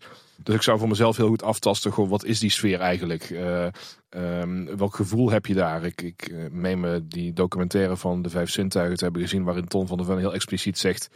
Ehm, dat moet niet eng zijn, dat moet niet zijn, eh, dat moet mooi zijn. En ik zou het wel heel tof vinden om op die gedachte verder te gaan. Hoe kun je nou dat gevoel van iets, iets met de dood, maar wat toch iets mooi is, hoe, zou je dat in een nieuwe vorm kunnen gieten? Zou het wel tof vinden als daar iets, iets vernieuwends wordt gedaan. Ik ben zelf heel erg liefhebber van, eh, van special effects attracties. eh, weet dat ik mensen boos maak als ik zeg dat ik eh, Poseidon's Fury eh, heel tof vind in, eh, in Islands of Adventure in Orlando. Helaas heb ik nooit Templo del Fuego kunnen doen, maar ik weet dat Mark daar een heel grote liefhebber van is. Maar dat idee, door zo'n zo'n special effects show te lopen, misschien iets met rookeffecten, dansende geesten, de, de muziek, als die behouden blijft, zou ik dat heel tof vinden. Maar dat heel erg dat, dat die combinatie van mooi en spookachtig benadrukt, dat zou ik heel graag zien terugkeren in een opvolger voor het spookslot. eh. Klinkt, eh, klinkt als een goede aanpak. Bevredigend antwoord, Ja. hè, Paul. Daar kunnen we wel mee. En dan hebben we bij afleveringen met gasten ook altijd de uitsmijters. En eh, die willen jullie ook voorleggen. Ja, en de bedoeling is dat jullie om en om antwoorden en eh, liefst eh, ja, kort en krachtig, eh, kleine boodschapstijl. Dus dat eh, kunnen alsnog volzinnen zijn. Heb je even? Ja, laten we eens beginnen met, eh, met een hele basale vraag die we normaal gesproken eigenlijk nooit stellen als we Eftelingers of Efteling-fans aan tafel hebben zitten. Maar jullie zijn toch wat breder georiënteerd, dus we wilden eerst wel eens weten, wat is nou jullie favoriete park? Ja, voor mij ja, is dat toch de Efteling. Ja. En mijn op één na favoriete park is dan denk ik Animal Kingdom. Eh, voor mij is dat Epcot. Eh, ik vind het fantastisch hoe dat daar een park gecreëerd is. Wat enerzijds laat zien eh, wat de mensheid allemaal al gedaan heeft. Op basis van cultuur. en wat de mensheid ja, heeft voortgebracht. En anderzijds een blik op de toekomst. Wat de mensheid nog allemaal zou kunnen. En, en dat idee en vooral de hele volwassen sfeer van dat park. Eh, ik voel me daar heel erg thuis. eh. Oh, dat- voor de nostalgicus had ik het misschien niet verwacht. Maar toch, Epcot heeft ook wel een soort nostalgie al opgebouwd. Hè, eh, sinds de jaren 80. ja, ja, precies. Weinig aan veranderd gedurende de jaren. Maar Epcot boven, Epcot boven Efteling, eh, Wim? Efteling blijft altijd een speciaal plekje in mijn hart hebben. Eh, dus dat is een emotionele band. Maar als ik los daarvan kijk wat ik een van de beste parken vind, dat- dan kom ik gewoon heel erg graag in Epcot. Eh, ja, ja. En Nicky? Lastige vraag. Eh, ja, elk park en resort heeft zijn eigen, eigen unieke karakter natuurlijk. Ik kan van, van alles eigenlijk wel genieten. Ik moet zeggen, eh, ja, de Efteling, daar, daar kom ik eh, om de twee, drie weken wel een keer. Dus dat is, dat is mijn thuispark. Dus dat is sowieso een favoriet. Daarnaast, ja, sorry, maar ik ga er toch wat meer op doen. Europa Park, om daar het volledige resort, om daar te verblijven, vind ik echt heerlijk. Uh, maar ik heb, uh, mijn laatste vakantie heb ik ook heel erg genoten van Volcano Bay in uh, Orlando. Dat was uh, een, een, grote verrassing uh, van onze vakantie. Dat missen we in Nederland, hè? een groot waterpark. Speerland Beekse Bergen, Paul. Ja, een grote waterplas. en als we het hebben over favoriete park, dan moeten we het natuurlijk ook hebben over jullie favoriete attractie wereldwijd. Voor mij is dat uh, denk ik Rise of the Resistance toch wel. Die heeft een enorme indruk gemaakt uh, de laatste keer dat ik er was. Maar mijn all-time favorite is denk ik Villa Volta. Oh. Als we het hebben over uh, welke attractie uh, voor mij het meeste waarde heeft, is dat denk ik Villa Volta. Ja. Goeie keuze. Weet je, het ligt heel erg voor de hand voor mij om te zeggen Pirates of the Caribbean. Zoals die in Parijs is uitgevoerd. Uh, en dat zit hem vooral in de hele inbedding in Adventureland. Als je daar die wachtrij doorloopt, dat, dat fort. Uh, en je komt in één keer in dat haventje met die lantaarns daar. Ja, dan voel ik me echt in, in de Caraïbe. Ik weet dat de Caraïbe er niet, totaal niet zo uitzien. Maar toch voelt het voor mij echt dat ik op een totaal andere plek ben dan ergens in een voorstadje van Parijs. Uh, dus dat vind ik een erg toffe ride. Uh, maar uh, attracties die mij heel erg geraakt hebben. Waarbij ik me echt nog precies voor de geest kan halen van hoe ik me voelde toen ik er voor de eerste keer inging. dat was Spider-Man. The Amazing Adventures of Spider-Man. Ik vond het zo gaaf om te zien hoe dat die, die grens tussen filmbeelden en de fysieke decor, zodat die echt compleet wegviel. je voelde gewoon echt alsof je in die ride zat. En dat, dat moment dat de, de goblin uh, zo'n gloeiende pompoen naar je toe gooit. En dat het ook echt een vuurbal wordt uh, met vlammenwerpers. Dat vind ik zo fantastisch. Uh, ik vind Spider-Man een hele gave attractie. ja. Ik had de Living with the Land nog wel verwacht in het lijstje. Maar... Ja, die staat ook hoog. Maar ja, ja, ja. ja. Als nostalgicus had die toch voor het wateroren moeten gaan dan. Hè? ja, maar ja, daar kan ik niet meer komen. Hè? Dus, ja. Diorama, diorama. Ja, ik moet dan toch wel meegaan met Tim en ook uh, Rise of the Resistance zeggen. Uh, ja, dat, ik kwam daaruit en ik denk dat ik eerst een kwartier op een bankje heb zitten bijkomen met wat ik allemaal heb meegemaakt. En uh, dat, dat heeft heel veel indruk gemaakt. En als ik dan dichter bij huis moet kijken, en zeker sinds de making-of van de vijf ja. zintuigen, moet ik toch echt wel zeggen dat mijn waardering voor Fata Morgana heel hoog is gestegen. Je had om dan even op, op terug te grijpen. We haalden het net in het begin ook al aan. Maar jij, jij hebt ook meegewerkt aan die docu. Wat heb jij precies gedaan? Vooral veel tekenwerk. ik heb uh, onder andere uh, de poster mogen ontwerpen. En uh, samen met het team onder andere een paar animaties mee mogen uitwerken. Bij jou eigenlijk het aantal gehoord. Maar jullie favoriete attractie specifiek in de Efteling? Nou, ik je dus Vader Morgana. Ja. Lijkt me vrij duidelijk. Ja, we hebben trouwens van jou ook al gehoord, Tim. Ja, Villa Volta. Dan blijft ja. alleen jij nog over, Wim. Voor mij ook Fata Morgana, absoluut. Uh, ik uh, vind die sfeer die daar hangt hartstikke tof. En ik heb ook het geluk gehad dat ik daar ooit achter de schermen een rondleiding heb gehad. Oh. Auw. Nou, niet oud, maar vooral heel erg indrukwekkend. eh, van alle gangetjes, eh, alle kelders die daar zijn. eh, achter trussen met lampen. Eh, je komt op plekken waarvan je niet verwacht had dat daar überhaupt een loopbrug zou hangen. Eh, dat heeft mijn waardering voor die attractie echt, echt zo gigantisch eh, omhoog gebracht. En ook als je dan die documentaire ziet van de vijf zintuigen, dan, dan groeit die alleen nog maar meer. Dus eh, absoluut Fata Morgana. Die Audi kwam ook meer vanuit ons van een stukje jaloezie. hey, en wat we ook altijd vragen is, wa- wa- wat is dan eigenlijk je favoriete plekje in de Efteling? Dus niet per se een attractie. Ja, ik denk dat ik eh, eh, de, de mooiste plek, eh, ook qua zichtlijnen in het park, toch wel het, eh, het pleintje bij, eh, bij de Baron vind. Eh, het, het bruggetje daar, eh, het, het zicht op die, eh, op die baan, die mijnschacht. eh, het massale, maar toch het, het rijke. Eh, ja, dat is toch wel een van de plekken die, eh, ja, die ik eh, denk ik het mooist vind eh, in de Efteling op dit moment. Eh, ik, ik vind het, het mooiste plekje vind ik eh, het, het, het uiterste gebouwtje helemaal links bij het Anton Pieckplein.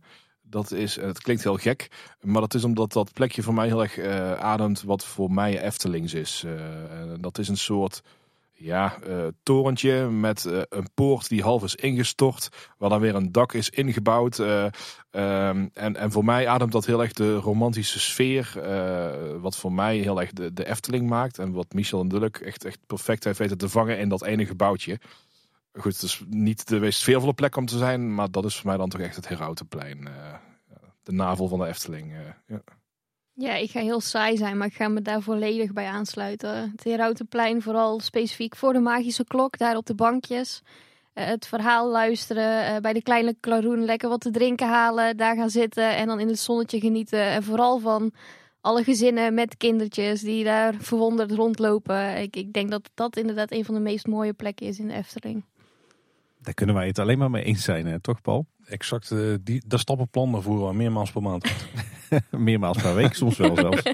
Ja, daar redden we niet altijd denk ik, maar per maand zeker. En daar zijn we er eh, doorheen voor vandaag. Volgens mij hebben we alle, nou, alle hoeken van eh, de manier waarop jullie het project hebben aangepakt wel besproken. Ik kan het alleen maar nogmaals benadrukken. Ga zeker het boekje even checken. We zetten hem op de site, dus je kunt hem via de show notes kun je hem vinden. Ja, en neem gewoon even de tijd om naar erheen te bladeren, alle teksten te lezen die erbij staat. Eh, zeker ook naar het einde te bladeren en dan even over het proces te lezen, hoe het is gegaan. Daar heb je nu voor een deel al meegekregen, maar daar staat ook nog geïllustreerd met een aantal afbeeldingen die dan in het afwijken van alles wat je daarvoor ziet. Je ziet ook een paar stappen van het proces. Ik vind het echt heel tof en een aanrader voor iedereen die geïnteresseerd is in eh, de thema-industrie en hoe vooral alles erachter werkt. Ja, en eh, ook gewoon voor de mooie plaatjes. Hè. Zo is het ook, Paul. Daar is ook zeker waar. Ja. Dat helpt enorm. Eh, we zullen trouwens in de show notes ook nog een aantal andere linkjes zetten naar eh, publicaties over jullie, eh, jullie eh, project. Ja, we kunnen wij jullie alleen maar enorm bedanken voor het vrijmaken van de tijd. Toch weer even al die herinneringen en ook die, die, die, die, die stress weer een beetje herervaren. Misschien die die tijdens dit proces hebben we ondergaan. Maar dankjewel. Ja, jullie ook Graag bedankt. gedaan. Graag gedaan. Hartelijk bedankt. Als mensen meer te weten willen komen over jullie, waar kunnen ze dan kijken? Eh, bij mij is dat voornamelijk op, eh, op mijn Instagram pagina. Dat is eh @timberen met dubbel E. Voor mij is dat mijn LinkedIn-pagina. Eh, dat is de plek waar ik mijn meeste onderzoek toegankelijk maak voor de niet-academici. Ik, post er altijd een klein alineaatje bij waar het nou eigenlijk over gaat. Voor mensen die niet alles afweten van p-waardes en normaliteit en dat soort dingen. Dus volg me vooral op LinkedIn als je daar interesse in hebt. Bij mij eh, is het ook op Instagram. eh, op mijn bedrijfspagina, dat is Nikki Design and Create. Eh, daar plaats ik eh, regelmatig tekeningen die ik, eh, die ik maak. En eh, daar is mijn werk ook op te zien. Nou, we zullen in de show notes ook nog een linkje opnemen van de LinkedIn-pagina van Mark. En dan ook nog het Instagram-account van Vincent. En Paul, als mensen meer te weten willen komen over ons, waar moeten ze dan kijken?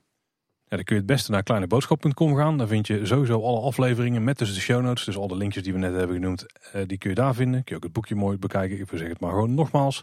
Eh, maar er is ook het contactformuliertje. Je kunt ook mailen naar ons als info.kleineboodschap.com. En als je ons wil volgen op een van de social media platformen, dan ga je naar kleineboodschap.com slash volgen. Daar staan ze allemaal gewoon netjes op een rij. Ja, natuurlijk luister je ons in alle mogelijke podcast-apps, eh, maar ook op Spotify en op onze website. En eh, luister je ons nou in zo'n app, eh, zorg dan dat je je ook abonneert. En op Apple Podcast en Spotify kan je tegenwoordig ook een rating achterlaten. En dat waarderen we zeer. Ja, ik denk dat we ook wel kunnen melden dat heb je nou mensen die geïnteresseerd zijn in de thema-industrie, tip ze even deze aflevering. Dan leren ze daar een hoop meer over, over het proces, hoe dat gaat. In, een- in een heel gunstig uitpakkend geval, zeg maar. En dan gaan ze misschien ook wel Kleine Boodschap luisteren. Ja, en aanstaande maandag zijn we dan natuurlijk weer met eh, een reguliere aflevering van Kleine Boodschap. Heren en dames aan tafel, nogmaals bedankt. Dat was weer voor deze aflevering. Bedankt voor het luisteren. Tot de volgende keer. En houdoe. Houdoe waar. Houdoe. Houdoe. Houdoe.